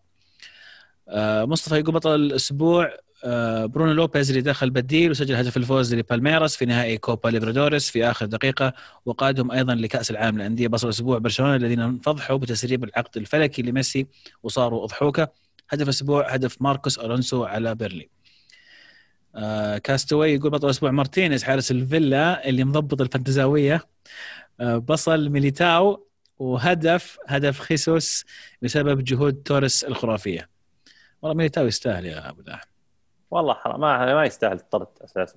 آه فراسو يقول بطل الأسبوع علي الحسن أفضل محور بالعالم حاليا والنصر ككل يستاهلون على المستويات الحلوة. بصل الأسبوع القائم اللي منعنا من هدف رهيب لميسي. هدف الأسبوع هدف اشبيليا الرهيب جدا جدا جدا. آه عبد الله يقول رأيكم وش سبب تعثرات الريال المدرب أو مزاجية اللاعبين؟ بطل الأسبوع سواريز بطل الأسبوع بعد ريال مدريد هو مانشستر يونايتد والتعثرات الغريبة. وهدف الأسبوع هدف سواريز الأول. يعني أنا ما كنت بجيب طال الموضوع بس ما دام تكلموا عنه والله يا عيال ترى الهلال طلع منها ثلاثة يعني كان ممكن في أي يوم ثاني النتيجة أكبر بكثير. حرام في ثلاث في ثلاث. هجمات الأخير. والله في ثلاث لا لا هجمات الأخير تبي يعني. نتكلم عن المباراة للأمانة؟ ترى الهلال أو مدرب الهلال تحديدا. لما سحب جحفلي خلاص يعني قال يا أفوز يا يجي الثاني والثالث والرابع. يا أبوي النصر لاعب أجنبيين. لا لا تجمعين إيش تبين؟ لازم الدكه اثنين في الملعب ثلاثة. طيب أوكي يعني قصدي إن نص الفريق مو موجود قاعد يلعب بالشباب. عبد الرزاق مو بساسي بيتي مارتينيز على الدكة جالس. آه قاعد تلعب أنت فعليا ما لعبت إلا بكم من اسم. وصراحة اللي فاجئني يعني آه، تكلمنا عنه كم مرة لكن جيل الشباب ذا اللي طالع من النصر مو طبيعيين، النصر قاعد يلقط بالض- يعني literally كل اللاعبين السعوديين الشباب اللي تحت 23 سنة available شرو ما ما فلت الحين إلا الحمدان أخذوه الهلال. لكن يعني بشكل عام الكواليتي في المراكز كلها جامد. آه، يعني سلم لي على الغنام جناح يسار صح. الدفاع حتى الدفاع يمكن قد يكون هو يمكن أضعف شيء. والحارس هذا يعني ترى بالبركة حقت حارسنا قاعد تمشي مع جونز. يعني لا تحسبها علي أجنبي عرفت؟ هذا والله بالبركة كل هجمات الهلال قاعد يغمض عيونه يفتح يدينه عرفت؟ بالبركة يصده أنا أتفق إنه سياسة النصر مع الت- التوقيع مع اللاعبين الصغار صراحة يعني القطوا لاعبين أنا بالنسبة لي علي الحسن والغنام هذولي يعني مستقبل أحد الكرة السعودية خصوصا الغنام مم. الغنام يعني ما أدري أحس إني أنا شخصيا كلاعب سعودي يعني بعد سالم وسالم الآن من عمر كبير ما شفت لاعب عنده السلاسة وعنده المرونة بال- بالتسحيب بهذا ال ال ال ال الإمكانية الكبيرة والثقة يعني آه، يمشي بالكورة يقابل مدافع أنت تدري إنه بيسحب مدافع وبيسحبها بطريقة تحس انها حلوة بينما هو أصلا فعال الرجال يسجل ويصنع فيعني أتوقع إنه النصر إذا إذا كمل على على إعطاء الفرصة لهذا الشباب وهي جت من حظهم آه، في ظل يعني عدم وجود أجانب في ظل الظروف اللي مر فيها الفريق مع مدرب صاحي يمكن الموسم الجاي ممكن يتغير وضع النصر آه، إذا تبغون نتكلم عن الهلال بشكل سريع يا عزيز ولا ما ودكم؟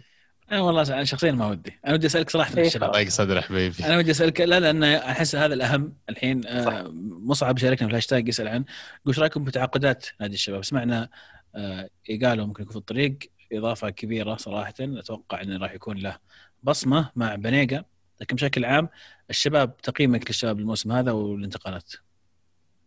شوف الشباب آه، كانت عنده مشكلة في اختيار المدرب. على الرغم من أنه اشتغل كثير على العناصر المحلية واشتغل على العناصر الأجنبية بشكل ممتاز. يعني الاستقطابات المحلية كانت استقطابات ممتازة آه، في في خانات الفريق يحتاجها مع آه، الثبات على بعض العناصر الأجنبية اللي قدمت مستوى ممتاز الموسم الماضي مثل آه، جوانكا مثل آه، سيبا آه، وأضافوا له آه، وأضافوا فابيو مارتينيز وبانيجا اللي كانت إضافة جدا ممتازة فكان متوقع من الفريق إنه ينافس ولكن كانت الإشكالية آه، واللي كان يتكلم عنها جمهور الشباب كثير كانت اختيار المدرب. المدرب ال CV حقه ما كان مرة ممتاز. آه، طريقته يمكن ما كانت تناصر تناسب العناصر اللي موجودة. آه، متحفظ كثير آه، ما في شكل كان واضح للفريق. آه، حتى لو لاحظنا يمكن بعد إقالته وجاء المدرب المؤقت اللي هو الأسباني المدرب ال- ال- الشباب آه، بالنسبة للشباب آه، كان عطى الفريق شوي آه، آه، روح وعطى الفريق نوعية لعب تحس إنها تناسب العناصر الموجودة الآن. ال- ال- ال- ال- الاستحواذ الانتقال بشكل سريع آه، آه، الفريق صار كله يسجل الأجنحة مع المهاجم. آه، فتغير شوي الفريق. مع فيعني عودة المصابين التعاقد مع مهاجم زي قالوا مع العلم حتى حتى هدف إدارة الشباب في التعاقد مع مهاجم ممتاز هذا بحد ذاته يعطيك انطباع إنه الفريق ناوي فعلا إنه ينافس ويستمر على قولتهم بالمركز الأول والثاني. يعني ترى قالوا يمكن الخيار الثالث أعتقد كان للشباب. آه في صورة تسربت لرئيس الشباب خالد البلطان كان في اجتماع مع كوستا دوغلاس كوستا. وفي صورة ثانية تسربت اجتماع مع هالك. دييغو قصدك؟ دييغو كوستا. آه، فكانوا هذول الخيار ان لما تشوف فريق الخيار الأول كوستا الخيار الثاني هالك تحس إنه فعلا آه، يبغى يجيب لاعب يفرق معاهم فخروج آه، ايجال من مانشستر في الانتقالات الشتوية بداية الانتقالات الشتوية أعطاهم مجال وفرصة إنهم آه، يستقطبون اللاعب هذا وأنا أشوف إنه إضافة ممتازة صراحة طيب كم عندنا وقت أبو عابد؟ كم تبي سؤال؟ كل؟ لك والله يا أبو يا أبو سعود. بس إنه يعني يا أبو عبد الله أنت actually كثر والله واجد. شوف شوف خوينا ذا أبو سعود زعل منا يوم قلنا له أحد ثاني. عرفت؟ خلاص أبو سعود وأبو عبد الله ثبتناكم. آه أنا ما ودي أصير ال bad guy والله بس إنه يعني لو ناخذ سؤالين زياده ولا two more comments سؤالين و... سؤالين وبطل بصل إيش رأيك؟ يستاهلون. آه ولا كان ود ودنا والله نقراها كلها. يلا. وعلى فكرة ترى نقراها كلها لكن مو إيه. كلها يسعفنا الوقت ان نحطها على الهواء. وفي كثير منها يكون تناقشنا أو جاوبنا السؤال اثناء حديثنا ف آه ننتقل للسؤال اللي بعده. دكتور رهيب استمروا. إي والله إي والله. أنا بس أنتظر نوصل 100 100 رد على التغريدة. إن شاء الله. الحلقة الجاية بيعودون إن شاء الله. دكتور اوز يقول بطل الأسبوع بالنسبة لي أنتم كأفضل بودكاست وبسط الأسبوع لي أنا لأني ما اكتشفتكم إلا متأخر. هذا الأسبوع مع إنه تسلل إني آخذ بعض نقاشاتكم وأجد العيال فيها. شكرا لكم موفقين. أجل بنستمر في هذه. سعود يقول إيش رأيكم ببيان الفيفا الذي نص على منع أي لاعب يلعب في ال Super League من لعب كأس العالم أو اليورو أو دوري الأبطال؟ أنا داري ان عبد الله.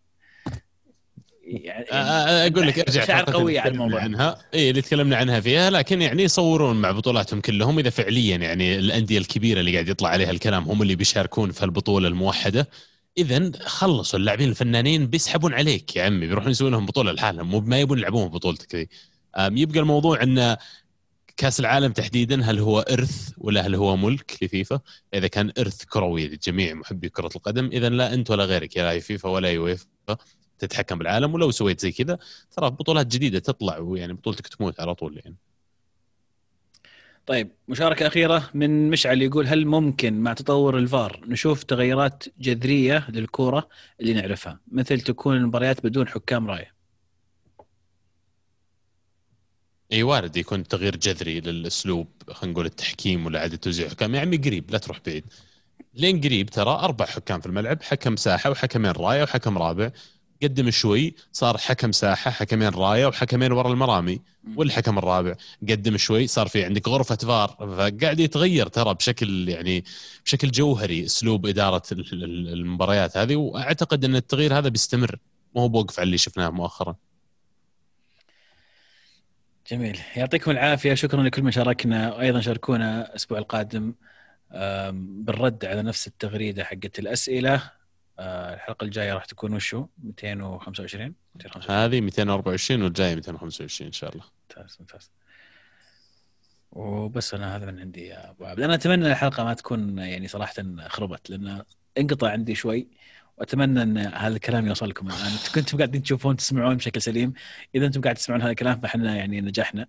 وإذا هذا الكلام ما وصلكم فإحنا يعني في في خلل ضيق صدر على طاري ضيقه الصدر ونهاية الحلقة. يعني نذكركم تابعونا على كل حساباتنا في السوشيال ميديا موجودين على SoundCloud iTunes YouTube كل حسابات البودكاست موجودين فيها. اللي يتابعنا بس صوتي راح check على قناتنا في اليوتيوب. تشوف آه، ال reaction حقنا وإحنا نسولف على الأقل.